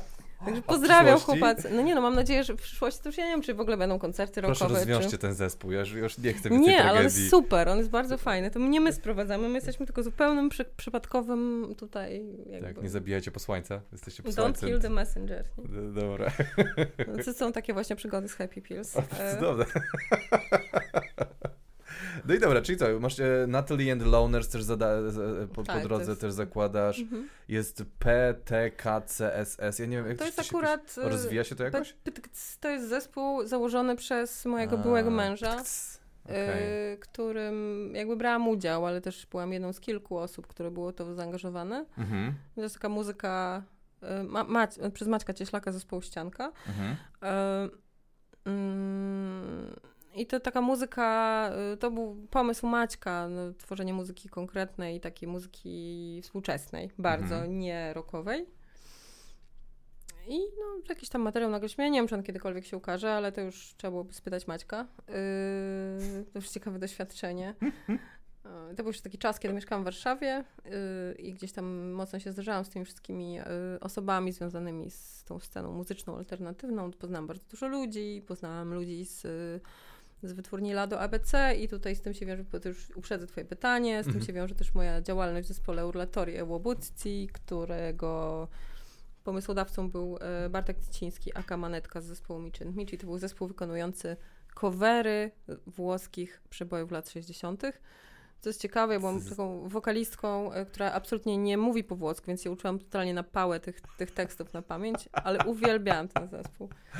Że nasz ostatni występ był na dwa dni przed moim drugim porodem i chłopcy bardzo się w ogóle powiedzieli, że nie, że oni się nie zgadzają, że mnie zagrała. Ja się strasznie wkurzyłam. Powiedziałam, nie, kurwa, zagram. I jest nawet ten występ w internecie, więc ja po prostu wielkości szafy jestem i Tak? śpiewam te... Tintarella di Luna śpiewam i po prostu mam taki voice, to jest tak wspaniałe, że to dziecko mi się jakoś tak przekręciło, że mi tą przeponę jakoś, jeszcze nie paliłam papierosów, no wiadomo, w ciąży się nie pali, nie, więc i czułam się po prostu jak jakaś bogini i tam Tintarella di Luna, razem z Halczką Sokołowską, ona tam taka malutka przy mnie, po prostu taka i ten brzuch, nie, się odwróciłam bokiem, a było, "Uaa", i to było ekstra, to nie, była, to nie był przegryw, nie zaczęłam rodzić, to czyli bardzo miło wspominam. A to super, a to bardzo fajne. Ale podoba się, że w ogóle e, jak sobie wypisałem, e, co grałaś tam właśnie w tym ptks, czy jak to się Mhm. nazywa, awangardowy folk, a tutaj e, covery włoskich starych piosenek, więc jakby, Tak, tak. to jest jak, jak, jakbym postać z filmu pisał, to, to dokładnie by się tym zajmowała. Po prostu. Ja się, ja się, wiesz co, no tak, tak. Tak, i nie gra w dziewiątym miesiącu ciąży, to jest to, to, to, to, co chcemy. Mhm. No i, i dobra, i co jest? I tu mam muzykę i nagle jest przeskok, nagle robisz w 2012 album ze zdjęciami, wynajęcia odnośnie No to wynajmowania. takie właśnie pomysły miałam, no po prostu wiesz, przeprowadziłam... wszędzie po prostu. Co, co, Straszne to jest, ja wiem, po prostu ja, wiesz, no mam taką... Y, y, aha, bo w międzyczasie też poszłam na inne studia, nie? Bo A, na tę e, pedagogika, nie. psychopedagogika kreatywności i to jest, to jest taki kierunek studiów na APS-ie, to jest chyba jak jeden z licznych w Polsce i to jest... e, To są studia, to są humany oczywiście, e, na których e, koncentrują się i tam bardzo, bardzo dobre kurikulum, Mhm. bo tam jest zarówno, y, poznaje się metody badawcze, metody pomiaru twórczości, pomiaru potencjału twórczego i u osób, i u, przy poszczególnych jakichś na przykład przedsięwzięciach, w organizacjach. E, Czyli trochę psychologii, trochę pedagogiki, trochę socjologii twórczości y, i też Ciekawe takich bardzo. mm, rzeczy praktycznych związanych z, też z uczeniem twórczości, czyli prowadzeniem różnego Uczeniem rodzaju twórczości? tak, takich rozwijanie postaw twórczych to, to jest rozwijanie tych umiejętności poznawczych związanych z, z myśleniem twórczym. Czyli na O. przykład jak są treningi szybkiego czytania, treningi zapamiętywania, mnemotechniki, to są też takie specjalnie opracowane metody, że ludzie y, rozwijają w sobie te elementy, że tak powiem, rozwiniętej kory przedczołowej, które są odpowiedzialne za tworzenie nowych jakości, nowych pomysłów. I tego się uczyłam przez, przez te lata na tych studiach i to mi strasznie pomogło, ponieważ ja bardzo uporządkowałam, mm, bo mnie po prostu ciekawiło, jak dochodzi No. do tego, że ja jestem osobą, która potrafi coś zrobić, jak to wygląda, jak ten proces przebiega. I to było wyłącznie w takim celu, że chcę się czegoś dowiedzieć o sobie, tak jak ludzie, którzy mają zaburzenia psychiczne idą na psychologię, nie? To tutaj... Zgadnij, co, co studiowałem. No tak właśnie myślałam. A powiedz mi, a polecasz jakieś książki fajne odnośnie tej twórczości? Bo to jest bardzo ciekawe. Bardzo polecam Psychologię Twórczości. To jest książka wydana przez GWP. Napisał ją Edward Nęcka. Jest to podręcznik akademicki, ale y, bardzo dużo się można tam dowiedzieć o tym, jak w ogóle twórczość jest traktowana przez, y, jak była traktowana przez psychologów, przez socjologów, jakiego rodzaju teorie na, na jej temat powstawały, co na ten temat sądzą spadkobiercy psychoanalizy, co na ten temat sądzą współcześni ne, neuronaukowcy. Mhm. I dla osób, które się na przykład interesują kognitywistyką, interesują się psychologią, interesują się nowoczesną neuronauką, to, to jest naprawdę fajna rzecz. Hmm, super. Yy, więc kończyłam te studia i miałam już, kurczę, takie, takie poczucie, że kurde, schakowałam to. Wiem, jak to robić. Wiem, jak ten proces twórczy przebiega. I że na przykład jak już trudno mi było się uwolnić od tej wiedzy i że na przykład jak mi coś tam nie szło, to wiedziałam, aha, czyli mam teraz tę blokadę, która występuje na tym etapie, nie? Aha, dobra, czyli to minie. A, super. I stwierdziłam, że kurczę, no w sumie to już wiem, nie? I przy okazji też jakby rozwinęłam swoje y, umiejętności społeczne tych studiów, bo miałam bardzo, bardzo dużo praktycznych zajęć z takiego procesu grupowego, co Mhm. w przypadku moich nieustających problemów z, z, z kontaktami społecznymi y, bardzo mi pomogło, bo to była fajna grupa, mieliśmy tam bardzo fajnych takich prowadzących. Y, To byli też ludzie młodsi ode mnie, bo była, były studia dzienne, ja miałam tam 26, oni mieli po 19 lat, więc też się jakoś tak pewniej czułam, że nie, już jakby i tak jestem starsza i tak już robię się debila, więc jak gdyby mogę wszystko. I to jakoś to mnie tak, mam wrażenie, mocno, y, mocno mnie otworzyło na to, że na przykład mogę prowadzić jakieś warsztaty, mogę tam coś mówić, Mhm. ludzie mogą mnie nawet słuchać. Więc to, były studia i nagle odkryłam, aha, i że mogę być na studiach akademickich, nie? I wcale nie jestem takim debilem, nie, że zdaję te wszystkie egzaminy i nawet jestem w stanie pisać pracę, nie? I, i to akurat było dobre doświadczenie, że zaczęłam później. No niektórzy muszą po prostu później y, jakby wejść w ten system i tyle. Też odkryłam, że lubię się uczyć i, i został, mi, został mi taki nawyk po tych studiach, że rzeczywiście bardzo, bardzo jakby dużo czytam z różnych dziedzin Mhm. y, i, i interesuję się rzeczami po prostu. Jestem w stanie sobie to otworzyć. No, I mniej więcej w tym samym czasie, kiedy, kiedy te studia, y, byłam w trakcie tych studiów i No. rozwijałam w sobie taki, takie poczucie, że lubię się interesować rzeczami, to yy, wpadłam na pomysł wynajęcia. I to też jakby z praktyki życiowej to się wzięło właśnie? Bo Szukałam to... mieszkania w Warszawie. Tak, no. ale jest, jaka, jaka, jaka emocja za tym idzie? Czy za tym szło taki frustracja? Myślę, za że czymś- frustracja i takie coś, że ja mam coś takiego i zarówno jak pracuję nad książkami, czy nad artykułami, czy nad jakimiś rzeczami, nad, nad pracą magisterską, to po prostu czuję, że muszę wszystkiego się dowiedzieć na dany temat. I Mhm. Tak jak szukałam mieszkania i nie mogłam go znaleźć przez kilka miesięcy, bo wyświetlały mi się ogłoszenia, które były tak straszne, że myślałam, dlaczego to tak wygląda? No więc zaczęłam czytać opracowania na temat y, polityki mieszkaniowej, zaczęłam czytać opracowania na temat y, jakieś takie bardziej y, socjologiczne, historyczne uwarunkowania tego, dlaczego na przykład Polacy fetyszyzują własność prywatną nawet w postaci kredytu na 40 lat na mieszkanie. Dlaczego kredyt na mieszkanie oznacza, że już się na, jest się naprawdę dorosłym, nie? Dlaczego, z jakiejś takiej bardzo osobistej perspektywy, ale też Możesz powiedzieć dlaczego? nie, nie, po prostu znajdowałam różne propozycje. W ogóle sam Aha. fakt tego, że, że, że e, zwykłe szukanie mieszkania na wynajęcie, które, które te mieszkania po prostu były straszne i jakby nie chciałam mieć z nimi nic wspólnego, a mimo wszystko taki wybór został przede mną postawiony. Teraz oczywiście to wygląda inaczej, bo to jest projekt sprzed 8 lat, ale No i tak. ten rynek wynajmu się troszeczkę, troszeczkę zmienił. Chyba na gorsze, nie wiem. Trudno powiedzieć, Jest trudno większa powiedzieć. konkurencja, jest drożej, wiesz. To wiem. prawda, jakby też jakby tutaj się bardzo mocno otworzył rynek międzynarodowy pracy też w Warszawie zauważyłam i Tak. powstała duża konkurencja, ale to też podwyższyło standard, ale podwyższyło ceny. Są dużo mieszkań nastawionych na osoby, na, na ekspatów pracujących w Warszawie, na, y, na osoby, które przyjdą na krótki termin, Airbnb. I to teraz już ta książka wyglądałaby zupełnie inaczej, dotyczyła innych rzeczy. Czyli to nie dotyczyło porażek na przykład z wynajęcia, że ty Nie. chodziłaś, miałeś jakiś taki Jezu, co za gówno i po prostu robiłeś zdjęcie. To ten... Nie, nie, to Bo było nie przede wszystkim. tego, ja to, to, to, to jest album, który. To jest tak jak album. Yy... Boże, jak się nazywa ten artysta? Jest taki album też w Bencu wydany o przedmiotach wystawionych na Allegro, dziwnych zdjęciach z Allegro. Więc A, ja z tam- tymi torebkami foliowymi Tak, na łbie? tak, tak. Super, To jest strasznie był. W każdym razie- To jest śmieszne. Yy, w każdym razie to było na podobnej zasadzie, że ja te zdjęcia po prostu yy, kolekcjonowałam potem próbowałam pisać do właścicieli tych ogłoszeń, yy, żeby uzyskać zgodę na publikację. I, i ostatecznie wokół tego powsta, powstał mój esej i cztery eseje socjolo- socjologiczne, między innymi yy, naukowców z Uniwersytetu Adama Mickiewicza, którzy prowadzą taką Aha. katedrę socjologii codzienności. Bardzo fajne rzeczy, bardzo ciekawe. I właśnie oni też y, dzielili się ze mną jakimiś swoimi y, mm, spostrzeżeniami z badań, z właśnie takich badań jakościowych, z jakichś takich, y, takiej autoetnografii, którą też ludzie uprawiali odnośnie własnych przestrzeni do życia. Jakoś mnie ta przestrzeń do życia bardzo inspirowała i generalnie się jaram w ogóle tematem mieszkalnictwa, tematem mm, projektowania najbliższej przestrzeni w takim kontekście tej, tej takiej badań wizualnych, nie? No to gdzieś tam to moją, y, moje zainteresowanie mocno ukierunkowało. No, także tu akurat może doświadczenie za SP, że ja po prostu czymś się Mhm. zaczęłam interesować i w sumie nie wiem, co z tego wyjdzie, więc może wyjdzie książka, więc pamiętam jakiś taki moment, że zgłosiłam się do Benca, że coś chciałam z tym zrobić, może jakąś wystawę, a może coś. No też, no, zawdzięczam trochę temu SP, nie? Mimo, że nie chciałam tego podciągać pod sztukę współczesną, to jednak była to, coś... Odwaga, że może coś innego zrobić. Tak, tak, tak. No to tutaj nie ma porażek, idziemy dalej. Jakby nie jestem zadowolony z tej części, jak Mm, do tej sorry. pory. Nie, E, była porażka, była porażka, no. wiesz, bo, bo jakby Nie ja wynajęłaś mieszkania w końcu. wynajęłam mieszkanie, Kurwa. ale to było tak, że e, książka wyszła w 2012, e, w 2013 urodziło mi się pierwsze dziecko i e,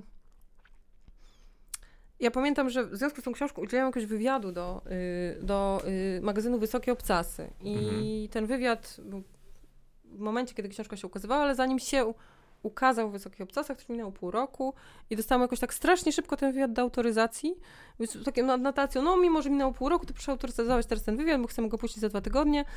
Yy, I to był luty 2013. I to był czas, w którym ja byłam jakiś tydzień po, po, po porodzie Mhm. i generalnie mój mózg, zwoje, byłam wyprostowany zwoje zupełnie. I nie zwróciłam uwagi, że tam w tym wywiadzie użyłam jakiegoś niefortunnego sformułowania, które było związane z, z, z prawami autorskimi tych zdjęć, które były zamieszczone pierwotnie w internecie. Ponieważ one zostały y, wykorzystane w ramach, y, w ramach takiej pracy no, pewnego rodzaju analizy naukowej. I to też ja byłam skonsultowana już z, i z prawnikami z Benca i na, ta publikacja w ogóle też nie, nie była w jakikolwiek w sposób for profit, była finansowana z grantu. Mhm.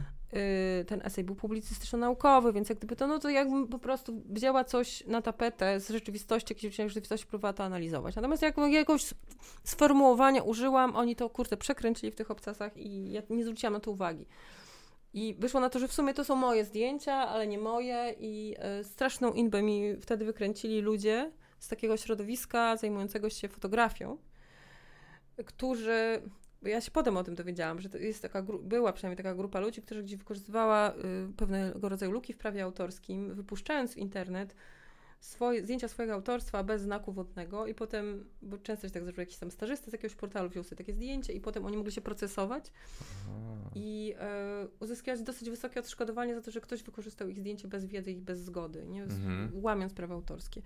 I ja gdzieś, gdzieś tam w taką, gdzieś tam w jakiś musiałam czuły punkt uderzyć, bo w przeciągu, to było, Jezu, to było jakieś takie straszne, ja pierwszy raz w życiu do, doświadczałam hejtu w internecie, do tego stopnia, że musiałam poblokować wszystkie swoje y, y takie strony, które oh, wow. no, bo no, dostałam, dostawałam pogróżki, nie, że jeżeli jestem y, jakby, jestem, że ukradłam zdjęcia, że coś, coś nam jakiś odcisk nadepnęłam, nie, I że rzeczywiście musiałam zrobić taki detoks, że dwa tygodnie, no bo autentycznie zabiję cię, znajdę cię. Co? Y, tak, bo ludzie są, no naprawdę, ludzie się nie umieją hamować, nie?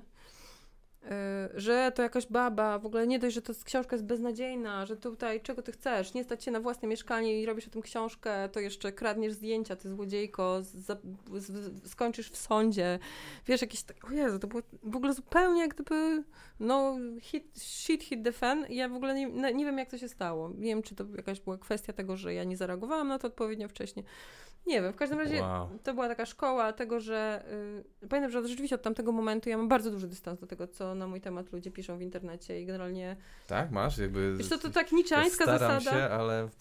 Taka niczeańska zasada, wiesz, co cię nie zabije, to cię, to cię dobije. To cię zabije, tak. Yy, akurat to się sprawdziło, bo to po latach się okazało, bo ja stwierdziłam, aha, no to ktoś tam, nie wiem, już parę lat później jak wychodziła moja, moja powieść, mhm. tam ludzie jechali po mnie i równie tam chwalili i nie chwalili.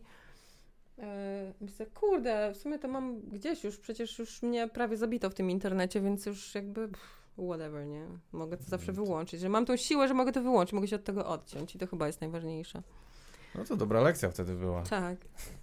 No i co, potem nagle przeskakujesz, tutaj w ogóle nie wiem skąd, e, robisz do dwóch filmów muzykę, mhm. do JJ i Mów mi Marianna, w ogóle jakby co tu się dzieje, i muzykę do spektakli jeszcze, tylko mhm. nie, tutaj nie mam dat wpisanych jakichś tam, mhm, e, Dybuka, Henriety Laks i Laks, Kopciuszek. Tak, tak, to są spektakle. No, trochę tych, ja pracuję cały czas w teatrze, zaczęłam pracować z, z, z, z teatrem w 2011 roku, jeszcze no. wcześniej. No zupełnie też przypadkiem, bo tam ktoś nie mógł, jakiś kolega muzyk, więc poprosił mnie i mojego kolegę, więc myśmy weszli do tego jako taki team kompozytorsko-wykonawczy w spektaklu. E, no i już miałam jakieś tam doświadczenia z tym. E, ja, tak? Bo, bo... Wcześniej, tak, w 11 jeszcze roku. No bo nie... jakby tak, ja cały czas, bo ja w pewnym momencie podjęłam decyzję chyba, aha, bo, przy, bo to było tak, że w 2010 roku przeprowadziłam się do Warszawy z Poznania, bo tam mhm. wyrzucili mnie z tej pracy w telewizji. Miałam już... o, no to e, dlaczego tam tego nie usłyszeliśmy? No wyrzucili mnie, no bo kurczę, zapomniałam L4 dostarczyć, ja było zasłużenie, nie? Aha, okej. Okay, bo chciałam, chciałam, chciałam skończyć nagrywać swoją pierwszą płytę solową e, i pamiętam, że ten chłopak, z którym to robiłam, taki producent, mój kolega, jego tata jest lekarzem i on mi wystawił L4 na tam ortopedyczne, żeby nie było chore kolana, nie? Że przepraszam Zusie, sorry. I coś mi tam się pieprznął w dacie i ja dzień później, o dzień za późno to dostarczyłam i już mój szef już tego nie zdzierżył w tej telewizji. Weź co, ty idź ty tą muzykę swoją rób, nie? No i, yy, no i po jakimś takim długim okresie posłuchy skończyłam tę płytę, w, nie chciałam już zostawać w Poznaniu.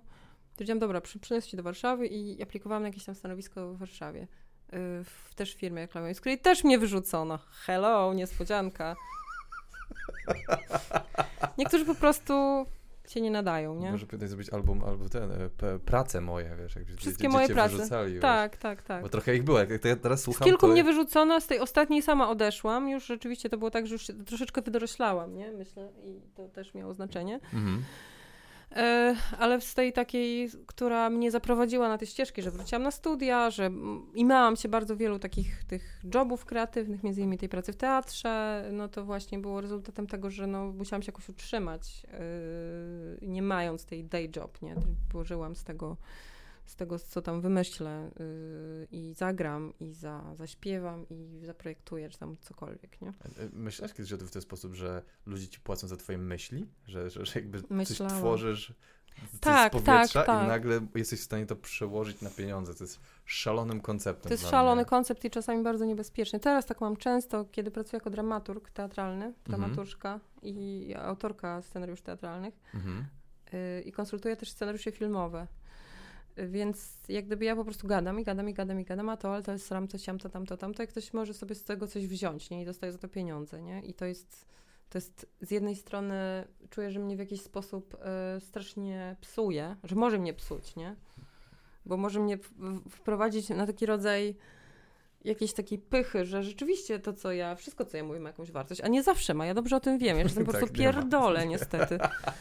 No, ale No, na ale- to polega, nie? ale muszę, wiesz, ale-. Ale muszę się na przykład tak dyscyplinować na, na czas tej rozmowy, że ja po prostu, wiesz, drrr, mózgu myślnie i mówię, muszę mówić wszystko, co mi przychodzi do głowy, bo czasem, się, że coś, co mi się wydaje po prostu głupie dla tego kogoś, kto potrzebuje akurat tego, jest to, jest to ważne, nie? Tak, przyklei się. No, no, no, to, to prawda, to jest, to jest ten.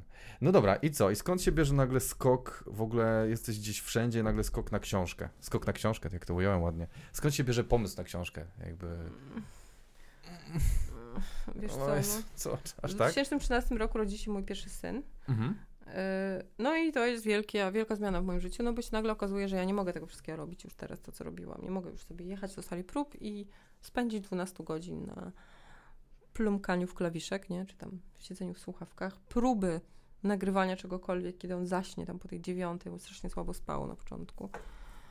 Yy, kończył się tak, że ja nakładam te słuchawki, które tłumią otoczenie i potem mam taki, o Jezu, zdejmuję, bo on krzyczy, nie? Z drugiego pokoju by się akurat O. obudził, więc ja po prostu już nabawiam się jakichś tików nerwowych. No jakoś ta transformacja nie przebiega łagodnie i, i, jako, że jakby też na studiach się nauczyłam, że, że, że twórczość może być czymś, co reguluje emocjonalnie, więc stwierdzam, że muszę coś robić, muszę coś wysrywać z siebie za przeproszeniem, żeby też się tak odnaleźć w tej nowej sytuacji, nie?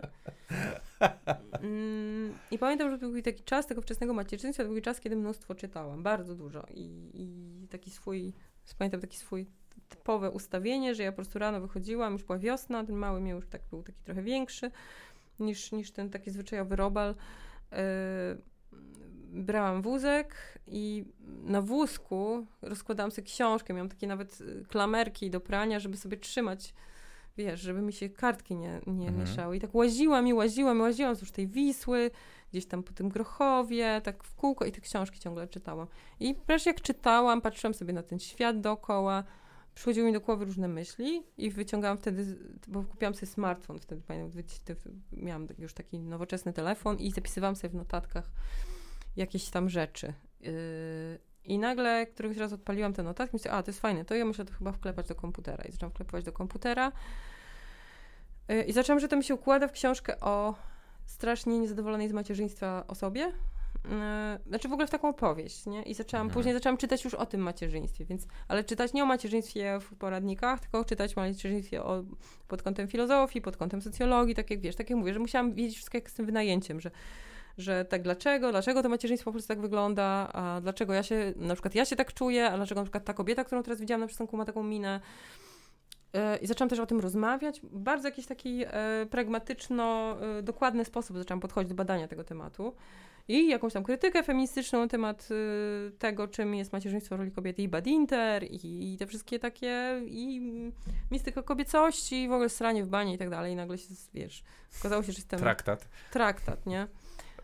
Y, No i jakoś tak pisałam to i pisałam i tak w ogóle y, jakoś mnie to, myślę, że przede wszystkim regulowało, ale też przede wszystkim zapełniało tę, tę lukę w, w tym, jak, za, tym, co zajmowała mi muzyka.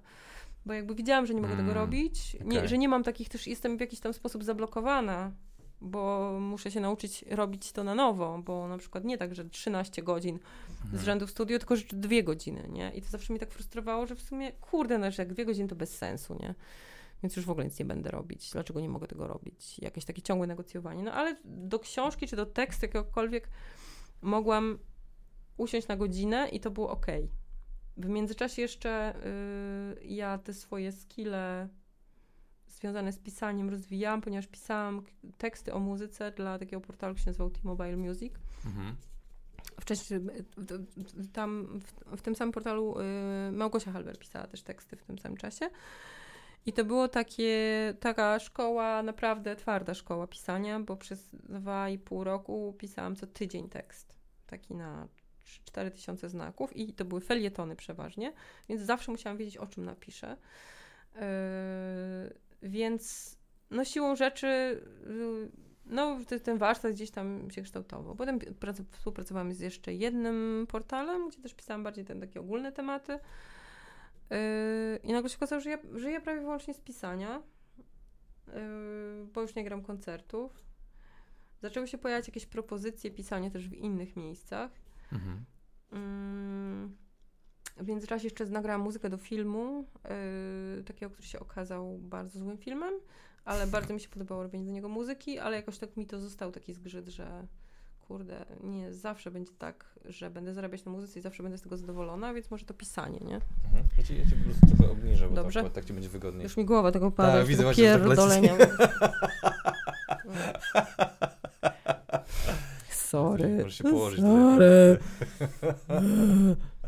No. I zaczęłam pisać, no i stwierdziłam, ale to nie było, to trwało też kilka lat, bo jeszcze z tą muzyką się tam targowałam i w pewnym momencie zaczęłam, czułam, że robię tą muzykę tylko za pieniądze, no bo jeżeli ktoś mi nie zapłaci za koncert, no to w sumie po co mam się wysilać, no będę trzeba dzieci utrzymać, potem się pojawia córka. Yy, mm, I w zasadzie po trzech latach, kiedy już na świecie była moja córka i mój syn, wtedy pamiętam, że pojechałam do Bydgoszczy. Do Bydgoszczy. Moja córka miała 5 miesięcy, więc pojechałam z moją mamą, z synem został tata Maciek. Yy, I w Bydgoszczy właśnie zajmowałam się komponowaniem muzyki do Dybuka. Mhm. Mm, Anny Smolar w Teatrze mm, Polski w Bydgoszczy. I siedziałam na tych próbach. Moja mama zajmowała się tą małą, albo ja siedziałam z tą małą na kolanach, mam taka malutka, jeszcze taką można było ją przekładać, taka była słodka, wszyscy ją brali na ręce, więc generalnie taki paradise.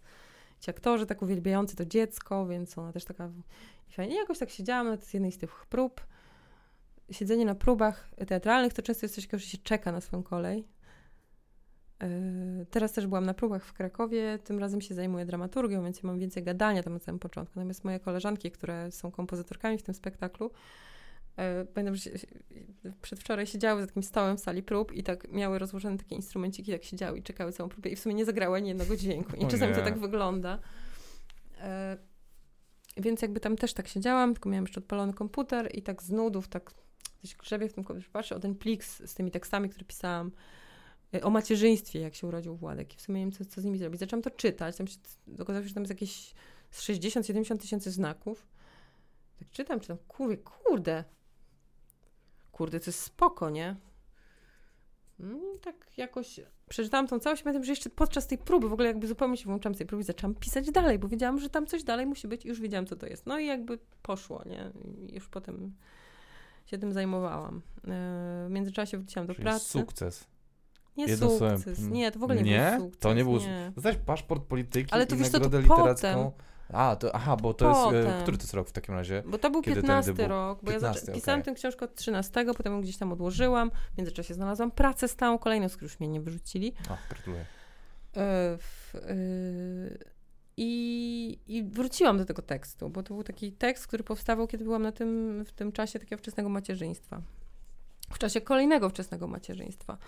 I, e, I to się jakoś okazało, że to rezonuje we mnie. W międzyczasie wróciłam do pracy, po tym, jak moja, urodziła się moja córka. Yy, zaczęłam, musiałam zacząć to wszystko, że tak powiem, zupełnie na nowo ogarniać, bo mieszkaliśmy już wtedy pod Warszawą. Moja praca była w Warszawie. Mój wtedy mąż y, też miał studio w Warszawie, więc codzienne dojazdy to było coś potwornego. Dziecko z opiekunką. Młody w tym, w, w przedszkolu, więc trzeba było go tam zawieźć codziennie. On w międzyczasie dostał jeszcze diagnozę spektrum autyzmu. O. Y, więc to też był jakiś taki potworny stres, y, który, znaczy potworny, dla mnie to w sumie nie był potworny, ale dla całej rodziny, no musieliśmy przecież wiele rzeczy w sobie przeformułować i, i pogodzić się z jakimiś lękami, których nie mieliśmy wcześniej yy, i zająć się tym tak poważniej, tym jakby co dalej, gdzieś tam, gdzie powinno iść do przedszkola, jak powinna wyglądać terapia i tak dalej, nie? I ja mi, miałam jakiś taki po prostu potworny, potworny overwhelm tym wszystkim, no, że poszłam na terapię i to bardzo, bardzo dobry krok, bo już, kurde, już było tak codziennie, to, po prostu już, już byłam na takim etapie, że jechałam tym samochodem, tą Sarę Picasso miałam, która przez 3 lata, ja po prostu ją zdarłam. Kupiłam samochód, który miał 130 tysięcy przebiegu i on umarł na Alejach Jerozolimskich z 350 na liczniku po trzech wow. latach. Nie? Więc ja codziennie pokonywałam jakieś 90 do 100 kilometrów na tych samych dojazdach, mhm. Dowożeniu go na tą terapię, na jeżdżeniu do pracy już mnie byłam jakby w takim jakimś amoku kompletnym, że też nie mogłam spać, więc siedziałam i otwierałam sobie ten plik i pisałam go dalej, nie? Bo to była jakaś jedyna rzecz, która mi sprawiała jakikolwiek e, nie czułam się dobrze w pracy, tutaj z tym macierzyństwem też nie wiadomo, tutaj ta diagnoza, tutaj jakieś takie dojazdy, cały czas wieczny niedoczas. Kurwa, mać. No i zaczęłam pisać, w końcu trafiłam na, w końcu trafiłam na terapię, bo już czułam, że. Aha, w pewnym momencie. Boże, co zaczęłam. Ja zaczęłam biegać, bo myślałam, że bieganie mi pomoże, nie? Kurwa. Ile biegałaś? Ja no długo. A, max, czyli biegałaś jednak? Tak, przebiegłam półmaraton na przykład z osoby, która nigdy nie biegała. E, ale po prostu już nie wiedziałam, co ze sobą zrobić, nie? Bo oczywiście zaczęłam chodzić na tę terapię, jeszcze ta terapia zaczęła dodatkowo triggerować pewne rzeczy, które gdzieś tam wyszły na wierzch. Ach. I zanim terapeutka mi powiedziała, pani Natalio, że ja panią tutaj do pani doktor wyślę, to jakieś tam antydepresanty jednak chyba pani powinna przyjmować, bo to jakby tak nie można, nie? Już nawet to, to nie ma co, nie? To ja jeszcze biegałam i oczywiście ja tak biegałam, że yy, wiesz, no, czekałam aż tam będzie 22, bo tam jeszcze Maciej wracał ze studia, i na przykład biegłam, biegałam przez te półtorej godziny i nabawiłam się takich kontuzji, że ja po prostu miałam prawie nogi już tak powykręcane, no bo biegałam za szybko, za mocno, za dużo, jakieś zakwasy, no już po prostu taki, jakiś, jakaś autodestrukcja mi się włączyła. Oh, wow. No, ale w, wreszcie trafiłam i zaczęłam brać antydepresanty, więc troszeczkę się wszystko uspokoiło. I w, w tym samym czasie e, czułam, że tak, że to, co ja piszę po nocach, no to chciałabym, żeby ktoś to przeczytał, nie? Że może to jest coś, coś, coś fajnego, że to nie jest tylko tak, że mi, tylko mi się wydaje, że to jest mhm. spoko, ale e, tak i zaczęłam te, ten tekst jakoś powoli, delikatnie próbować komuś pokazać. Pokazałam to Małgosi Halber, która zresztą z nią, z nią miałam też takie doświadczenie parę lat wcześniej, bo ona mi wysłała treść swojej pierwszej książki, no takiej w roboczej wersji. Ja bardzo się ucieszyłam, bo czułam się niezwykle wyróżniona, że, że, że ona się zdecydowała ze mną tym podzielić i bardzo mi się spodobało to, co przeczytałam, więc pomyślałam sobie, że może nie będzie tak źle, nie? Że, że skoro to, to sobie taką oddamy przysługę, nie? I ona mnie zachęciła do tego, że jak najbardziej to się nadaje i że, yy, że powinnam no, po prostu cisnąć. I, i yy, udało mi się znaleźć wydawcę. Tego, co chciałam, tego, co chciałam napisać. I udało mi się znaleźć bardzo fajną redaktorkę, która pracowała u, u tego wydawcy i ona zobaczyła w tym potencjał i też bo w przy, przypadku rozmów z, innym, z innymi wydawcami, tam się też pojawiały takie rozmowy, to proponował mi, że z tym tekstem różne rzeczy można zrobić. I naprawdę to, co wtedy powstało, a to, co można kupić teraz w księgarni, jest to, są też rzeczy, które, z których w międzyczasie mogły powstać różne rzeczy również bardzo złe, nie? Ja trafiłam na, na redaktorkę, która mi zaufała, mhm. Powiedziała, wiesz, to wymaga to, to i to wymaga rozszerzenia, ale cały czas zostań przy tym, co jest, bo to jest twoje i to jest mega ważne, żebyś ty przy tym została, przy tym koncepcie i nie iść na żadne kompromisy. Bardzo pozdrawiam Monikę Mielkę, bardzo pozdrawiam cię, Moniko. A co znaczy kompromisy, że co ci proponowano? No na przykład, w, w no zrobić to, to że takie bardziej obyczajowe, takie komediowe, takie perypetkie mamuśki, wiesz, tam takie, że haha, hihi, mm. nie? Nie, że ja chciałam Czyli właśnie... spłycić po prostu, tak zrobić takie, ej, znaczy, to trochę bardziej, bekowe. Da, bardziej troszkę beczka, troszkę poradnik, nie? A z ja chciałam... poradnik. Kurwa, co jest z tymi poradnikami? Wszyscy chcą wydawać poradniki, to mnie tak wkurwia. Widocznie jest na to zapotrzebowanie, no. No ale ja wiedziałam, że ja chcę zrobić prozę i chcę, żeby to było takie surowe po prostu. No i akurat Monika mi zaufała i, i moja pierwsza książka wyszła w listopadzie 2016 roku. I dwa tygodnie później dostałam maila Pamiętam, że jechałam z tego przedszkola. Yy... Aha, nie, zatrzymałam się, żeby zatankować. Tam zatankowałam, poszłam po coś tam jeszcze, sam już tam zrzędził z tyłu, coś nie chciał wysiąść, ja tak już machinalnie patrzę na maila. Jest ta pani nominowana do paszportu. Co kurwa?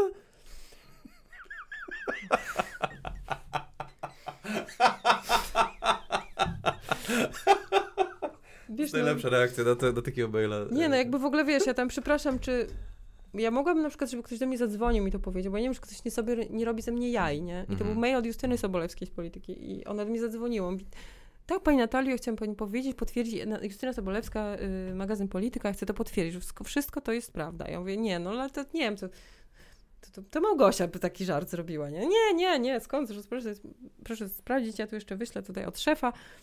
I rzeczywiście to się już okazało, że to jest prawda. Tylko proszę nic nie mówić, bo, to, bo dopiero ujawniamy tych nominowanych za, za trzy tygodnie. Więc, a już miałam absolutną takie, takie coś, że wpisałem sobie, ha, ha, ha, ta, jestem nominowana do paszportu, ha, ale beka, nie? Ale nie mogłam tego zrobić, bo powiedziałam, że tego nie zrobię, więc Mm. musiałam to wszystko, pamiętam, że przyjechałam do domu i Maciek, ja pierdolę w ogóle, co to w ogóle znaczy? No i, y, no i tak się to sk- skończyło, że myśmy ostatecznie, minęły tam dwa miesiące, pojechaliśmy na tą uroczystość y, z moim wczesnym mężem Maćkiem. I pamiętam tak, jedziemy, jedziemy tym samochodem, co się potem rozpadł, y, trasą y, A2. No to mówi, wiesz co, ale teraz jak nie dostaniesz tej nagrody, to kurwa, aż będzie głupio. Nie mówię, no co, no wiesz, no musieliśmy opiekunkę wynająć, nie? To był raz taki wieczór, że rzeczywiście wyszliśmy razem pierwszy raz od dłuższego czasu, nie? I mówię, że to już Mhm. Wiesz co, no to jakby to musi, to mu- musi się zwrócić. I rzeczywiście się okazało, że dostałam ten paszport. Mówię, No przynajmniej. I byłam tak przejęta, że i tak jakby też tam ci ludzie mi tam za- za- zaczepiali się, dziennikarze, potem musiałam tam udzielać jakichś informacji, więc gadałam kompletne bzdury. Maciek to chociaż poszedł sobie tam pojazd na tym bankiecie, a ja bym tak wracałam, tak mi w brzuchu po prostu ssało. Mówię, stary, musimy jechać, przecież po prostu chociaż na jakiegoś maczka, bo ja po prostu nie wytrzymam, umrę zaraz. I prowadziłam samochód i zjechałam do Brwin, w Brwinowie, jest tam przy autostradzie taki, ta, taka stacja benzynowa, jest McDonald's, myślę, Boże, Boże, chociaż tego jakiegoś makrapa, nie? Cokolwiek, po prostu pierdolę, po prostu z tych nerwów mi tam się wszystko zaklejstrowało, a teraz zaczęłam to czuć, nie? I w tym momencie, kiedy już podjeżdżałam do okienka, to dzwoni opiekunka, mówi, Pani Natalio, Pani lepiej wraca, bo córka tak płacze. Ja tak, kurwa, no dobra, nie? I zgazowałam do Milanówka z powrotem i w końcu zjadłam jakiś suchy chleb, który znalazłam, gdzie tam kanapki do drugiej w nocy. No takie to właśnie Czyli są glamour, życie, życie sukcesu, tak. Ludzie e, sukcesu. z paszportem polityki w ręku przy McWrapie. Mm. To współczuję, że ten, ale to jest, kurde, bardzo słodko-gorzkie. To jest takie, jak No. teraz to słyszę, bo wiesz, jak się widzi tą książkę i tam wchodzisz na tą scenę, a super, a teraz jak się całe zaplecze, to jest takie No tak, no bo, to, no bo to tak wygląda, nie? No bo jakby, wiecie, nagrody to też jest coś takiego, coś bardzo arbitralnego i tak naprawdę przypadkowego, nie? To, że ktoś akurat uznał, że to jest interesujące, to pociągnął za sobą konsekwencje w postaci że ktoś inny jeszcze uznał, że to jest interesujące, ktoś inny Mhm. zobaczył w telewizji. W związku z tym, na przykład, nie wiem, ta książka się dobrze sprzedała, dotarła do większej ilości ludzi niż normalnie trafiają debiuty literackie osób, które są nie wiadomo skąd. Mhm. Yy, I to wydaje mi się, że to jest przypadek, no i, i, i gdzieś też w pewnym sensie pew, pewnego rodzaju obciążenie, no bo już ludzie trochę inaczej na ciebie patrzą i też troszeczkę tak mam wrażenie, ci na przykład, którym się nie podobała książka, bo takich też jest bardzo duża, y, duża grupa, Mhm. z którzy się nie, na przykład nie zgadzali z werdyktem i tam były jakieś dyskusje. Zawsze jak jest coś głośnego, coś tam o czym się mówi, no to są tacy ludzie, którzy się ustawiają jakby w opozycjach. Yy, I oczekują, że tak, no one hit wonder, teraz napisze cokolwiek, to już będzie do dupy, a w ogóle to lepiej niech już nie pisze i tak dalej. A potem, a ci drudzy, którym się książka podobała, no to teraz już musi być jeszcze lepiej, nie? I to Mm. ciężar tych oczekiwań jest, jest naprawdę spory. I na przykład pamiętam taką moją rozmowę, bo ja zdam sobie sprawę, że na przykład jeżeli chodzi o ten paszport polityki, to bardzo niewiele kobiet, które piszą, dostało tę nagrodę mimo nominacji. I jedną z osób, które, które ten paszport dostały, była Sylwia Hutnik. Ona dostała za kieszonkowy atlas kobiet chyba e, w 2006 roku. Mhm. Dobrze, Sylwia do mnie wtedy napisała, jakoś nie znałyśmy się jeszcze zbyt, no, chociaż nie znałyśmy, chodziłyśmy razem jakieś takie zajęcia z boksu, tak. I no, tam jest dużo różnych ciekawych historii. Za twist w ogóle, No. I Sylwia do mnie pisała, słuchaj, wiesz co, y, pamiętaj, słuchaj, w ogóle nie bierz do głowy żadnej z recenzji, które się ukażą na temat twojej drugiej książki. Żadnej, nie?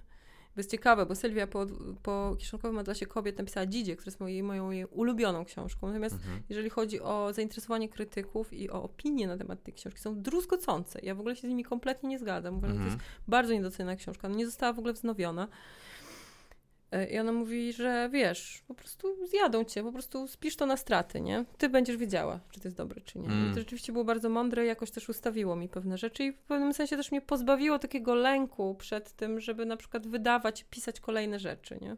Bo też miałam ze sobą doświadczenie nagrania pierwszej i drugiej płyty Mm. i też wiedziałam, że to się samemu też najbardziej swoje oczekiwania goni. I tak naprawdę postawienie z takiej perspektywy, kogo to obchodzi? Komu to jest potrzebne? Tylko mi tak naprawdę. To tak No. twórczość jest tylko mi potrzebna, żebym może miała z czego żyć i żebym była w stanie się emocjonalnie regulować, bo taką funkcję też pełni twórczość w moim życiu. Zdecydowanie. No jest, No. e, nie miałeś czegoś takiego też, że e, miałeś też taki, wiesz, całą paletę dokonań, miałeś tak, nie dobra, kurde, zrobiłam dużo dobrych rzeczy, po prostu ta została do, do, dostrzeżona, że Mm. po prostu to będzie kolejna inna rzecz, jaką zrobię. To- Ale to jest przypadek, no nie wiem, no te- też mi się to czasem wydaje takie, no, a może mi lepiej się robiło muzykę, a może to, a może tamto, e, a tamtej muzyki to nikt nie docenia. Raczej nie, raczej ja mam takie poczucie, że za każdym razem jak coś się wypuszczam, to już w ogóle przestaje być moje. I zupełnie nie, jakby, no jakby dziecko wjeżdżało na studia, już sobie żyło własnym życiem, nie? Więc ja tych dzieci już trochę tam urodziłam, również tych, również tych prawdziwych, chociaż No. nie, jeszcze nie są na studiach, tylko są w domu z, ze swoim tatą, y, że tak naprawdę to, co ludzie zrobią, to jak odbiorą y, jakiś wytwór kultury, z którym się stykają, to jest ich sprawa. I ja nie mam na to już żadnego wpływu w momencie, kiedy książka lub płyta trafia, płyta trafia do płoczni, tu, płoczni, tłoczni Mhm. albo do sprzedaży, czy tam jakkolwiek, czy na Bandcampa, albo jak książka trafia do księgi. Już, już po prostu nie mam na to wpływu. Kompletnie. I ta optyka bardzo mi pomaga i również w takim jakby, że ja potrafię strychnąć aha, dobra, to teraz napiszę spektakl, nie? A teraz chciałabym napisać słuchowisko, a teraz mnie to interesuje. Jedynym kryterium, jakie mnie interesuje, w- które, y, które stosuję do jakby szukania tego, co mnie interesuje w tej pracy artystycznej, to jest to, czy coś mnie jara i czy coś jestem w stanie się czymś zainteresować dłużej niż przez miesiąc. E, No tak, no. Moja To bardzo zdrowo, to Moja dobrze, to promotorka dobrze. mi tak powiedziała, jak pisałam tę pracę na, te, na, na, na tej psychopedagogice. Yy, zresztą to bardzo fajna pani, pani która zresztą też wykona, wykonała dla mnie bardzo zaskakujący twist, bo to była kobieta y, akademiczka zajmująca się Mhm. psychopedagogią twórczości, również logopedią i ona rok po tym, jak, jak ja skończyłam studia, zajęła się pisaniem książek dla dzieci i te książki dla dzieci to są kurde bestsellery teraz, y, książki o płciu. Jest to pani Marta Galewska-Kustra. Y, I to jest w ogóle jakiś absolutny hit i wszystkie dzieci w Polsce je mają i w ogóle są tłumaczone na mnóstwo języków. To są takie, no... Super. Więc, więc to była osoba, która powiedziała, Pani Natalio, Pani musi wybrać, i na seminarium tak powiedziała, w ogóle na pierwszym seminarium, musicie wybrać, i tam, Pani Natalio, tak, temat, który się Wam nie znudzi przez rok, nie, no, na, tej, na tej pracy. I w sumie to jest takie kryterium, które jakby cały czas się zgadza, nie? No to, No. Czyli jedziesz teraz co? Scenariusze, piszesz, muzykę do filmu znowu jakiś napisałeś. Dwa... W ogóle w 2018 roku to ja nie wiem, co tu się dzieje. Napisałeś scenariusz do spektaklu, Ale to wiesz- dwa razy muzykę i kolejną książkę wydałaś. Wiadomo, że to się pisze wcześniej, Nie, ale... nie, akurat powrót to był jeszcze w 2012, to pewnie coś tam jakaś sypka. W, A, spektakl może... pisałam w 17, a premiera była w 18. To może to premiery miało wszystko Tak. w 18 po prostu. Tak. Mm, Ulgę pisałam na początku 2018, a muzykę do wojen pisałam w drugiej połowie, nie? I on, ta premiera była pod koniec 2018. Mhm. Y, Więc to jakoś tak w półrocznych mniej więcej, no muzykę do filmu się komponuje dosyć, dosyć długo, podobnie jak pisze się książkę, no i jakiś taki proces pisania książki jest dla mnie tak y, już mniej więcej rozkminiony w takiej postaci, w jakiej do tej pory, bo teraz na przykład skończyłam trzecią książkę, ja właśnie muszę wysłać, odesłać korektę. Ym, y, Polega on na tym, że ja właśnie na przykład przez rok lub półtora drążę jakiś temat i szukam różnych odpowiedzi na pytania do, odnośnie tego, co chciałabym napisać. Czy to ma być powieść psychologiczna, czy to ma być powieść historyczna, tak jak było w ostatnim mm, przypadku. Teraz moja Mhm. kolejna książka się ukaże na wiosnę 2020 roku, pierwszego roku i jest to powieść historyczna. Mhm. Ale o artyście, więc. e, Ale a, absolutnie dzieje się nie w tych czasach, w których teraz żyjemy. Yy, No i to wyglądało tak prawie za każdym razem, że rok, półtora, dwa lata trwa kwerenda tak zwana, czyli moje wchłanianie czy taki research, nie? Moje wchłanianie informacji. dobra. Także po prostu zakładam sobie na mózg taki filtr, który cedzi różne informacje, które do mnie napływają i one gdzieś mi osiadają z tyłu głowy, ale te informacje dotyczące tego, o czym chcę pisać. I nagle w momencie, kiedy Okej. piszę, to one wszystkie gdzieś tam zaczynają To się, jest nazywam ładowaniem jakby amunicji, że musisz mieć Tak. z czego strzelać na, na, na tak, tą ładowanie kartkę. to fabryka, fabryka amunicji, dokładnie to Tak. była. I w przypadku tej książki historycznej tam było chyba najwięcej takiej pracy, której, którą wykonałam, takiej czysto a, archiwistycznej. Pomogła mi w tym pandemia, bo się nagle okazało, że się, kiedy się zaczął lockdown na świecie pierwszy wiosną, to bardzo dużo bibliotek na całym świecie potwierało swoje zasoby cyfrowe, dla, też dla ludzi, którzy normalnie by nie mieli do nich dostępu i co mnie gdzieś tam uratowało przed takim płaczem, że ja na przykład nie jestem w stanie polecieć do Waszyngtonu, do Biblioteki Kongresu, nie? O I tam, nie. ale mo- miałam do tego dostęp przez internet, no bo, no były takie, no to trochę mi w tym pandemia pomogła. Yy, a samo pisanie, samo już tak, że tak powiem, ten taki, yy, to wypluwanie tej, tej to, to, jest, yy, to jest już tam 2-3 miesiące tak naprawdę, takiej bardzo intensywnej pracy. Jakieś spektakularne porażki tutaj w ostatnich dwóch latach? Coś, coś O. ciekawego się te...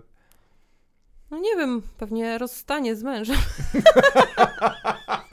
Ale nie wiem, czy chcę o tym mówić. Nie, nie, to ja nie chcę, To w nie. prywatę nie chcę. Nie, chodzi o chcę to, że oczywiście jak jest takie powiedzenie, nie, nie, nie, e, takie Glück im Spiel, Pech nach Liebe, czy jak to się mówi, tak? Mhm. Jakby szczęście w kartach, nieszczęście w miłości, tak? Rzeczywiście tak czasem jest, no i, i myślę, że to wszystko gdzieś ze sobą współgra i wszystko jest po coś. Mm, bo no, jak się żyje, się rodzicem, tak jak ja, e, i się, ja się, no nie ukrywam, że zawsze mi na tym zależało, że chcę robić swoje rzeczy i chcę działać na polu twórczym i to gdzieś też mi wypełniało pewne luki, których no na przykład, nie wiem, nie, nie realizowałam w jakichś tam najbliższych relacjach. Yy, więc yy, no tak bywa po prostu, tak bywa. Ale nie powiem, żebym, wiesz, czegokolwiek w życiu żałowała. No To, to, to dobrze. Jakieś, No. Jakieś porady przed trzecią książką dostałaś, czy, czy idziesz na żywioł? Wiesz co? Nie, przede wszystkim jakby ta, ta trzecia książka, ja już ją skończyłam pisać, bo Mhm. pisałam ją głównie... To przed wydaniem, nie wiem. przed wydaniem. Wiesz co? Yy, nie, dla mnie to było tyle fajnie, że to było nowe i że wcześniej nie zajmowałam się pisaniem. Em, Najpierw chciałam, żeby to była książka non-fiction, poświęcona, bo to jest żyjąca, znaczy już nie żyjąca, ale historyczna postać. Yy, ale ja też mam jakieś takie silne poczucie um, rikczu, ponieważ raz, że nigdy nie pisałam reportażu, a po drugie yy, czuję, że jeżeli chciałabym pisać reportaż, to robić to, w, to według szkoły, tak zwanej szkoły Magdy Grzebałkowskiej. To jest ona moim absolutnym wzorem, jeżeli chodzi o dokładność i yy, porządkowanie informacji w tej takiej, w tym gatunku, jakim jest non-fiction. Ja nie mogłabym jako reportażystka albo jako osoba pisząca biografię czyjąś opartą na faktach pozwolić sobie na fantazjowanie, Mhm.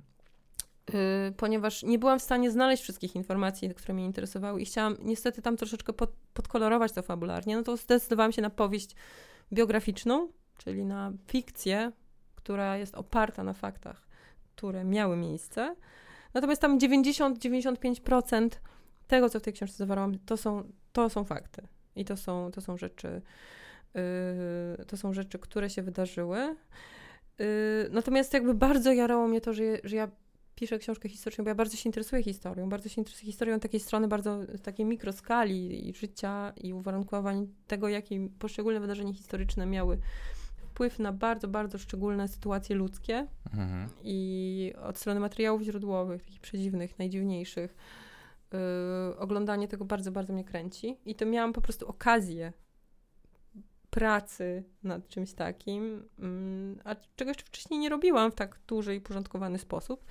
I to było super. I po prostu sam ten fakt, że mogłam to robić, był taki ekscytujący i taki fajny. I dokonałam takich niezwykłych odkryć, których na przykład badacze tego artysta, o którym piszę, badacze jego twórczości w ogóle na nie nie wpadli, tylko ja na nie wpadłam. Myślę, że on taki biograf prawdziwy. e, I to było ekstra, nie? A Więc kiedy wychodzi książka? na wiosnę 2020 będzie miała tytuł Odmieniec i wyjdzie w wielkiej literze. Odmieniec, no, jak zawsze. Pasuje. Moje alter ego. Ale nie będę mówić, o czym jest niespodzianka, o kim. No dobrze, to czekamy w takim razie. To, Mhm. Natalio, dziękuję Ci bardzo za podzielenie się swoimi historiami. I, jakieś słowo na koniec, chcesz coś, jakiś apel do ludzkości? Pozdrawiam wszystkich Polaków.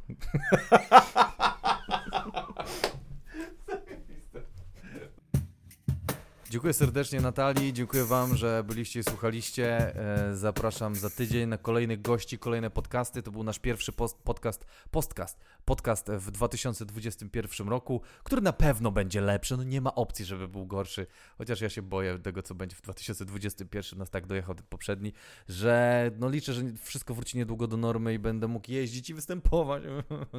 tak tęsknię za, za wychodzeniem na scenę, że ja pierdzielę. No, więc y, słuchajcie, mam nadzieję, że u Was wszystko dobrze, że jesteście zdrowi i, i że wszystko się toczy do przodu powoli.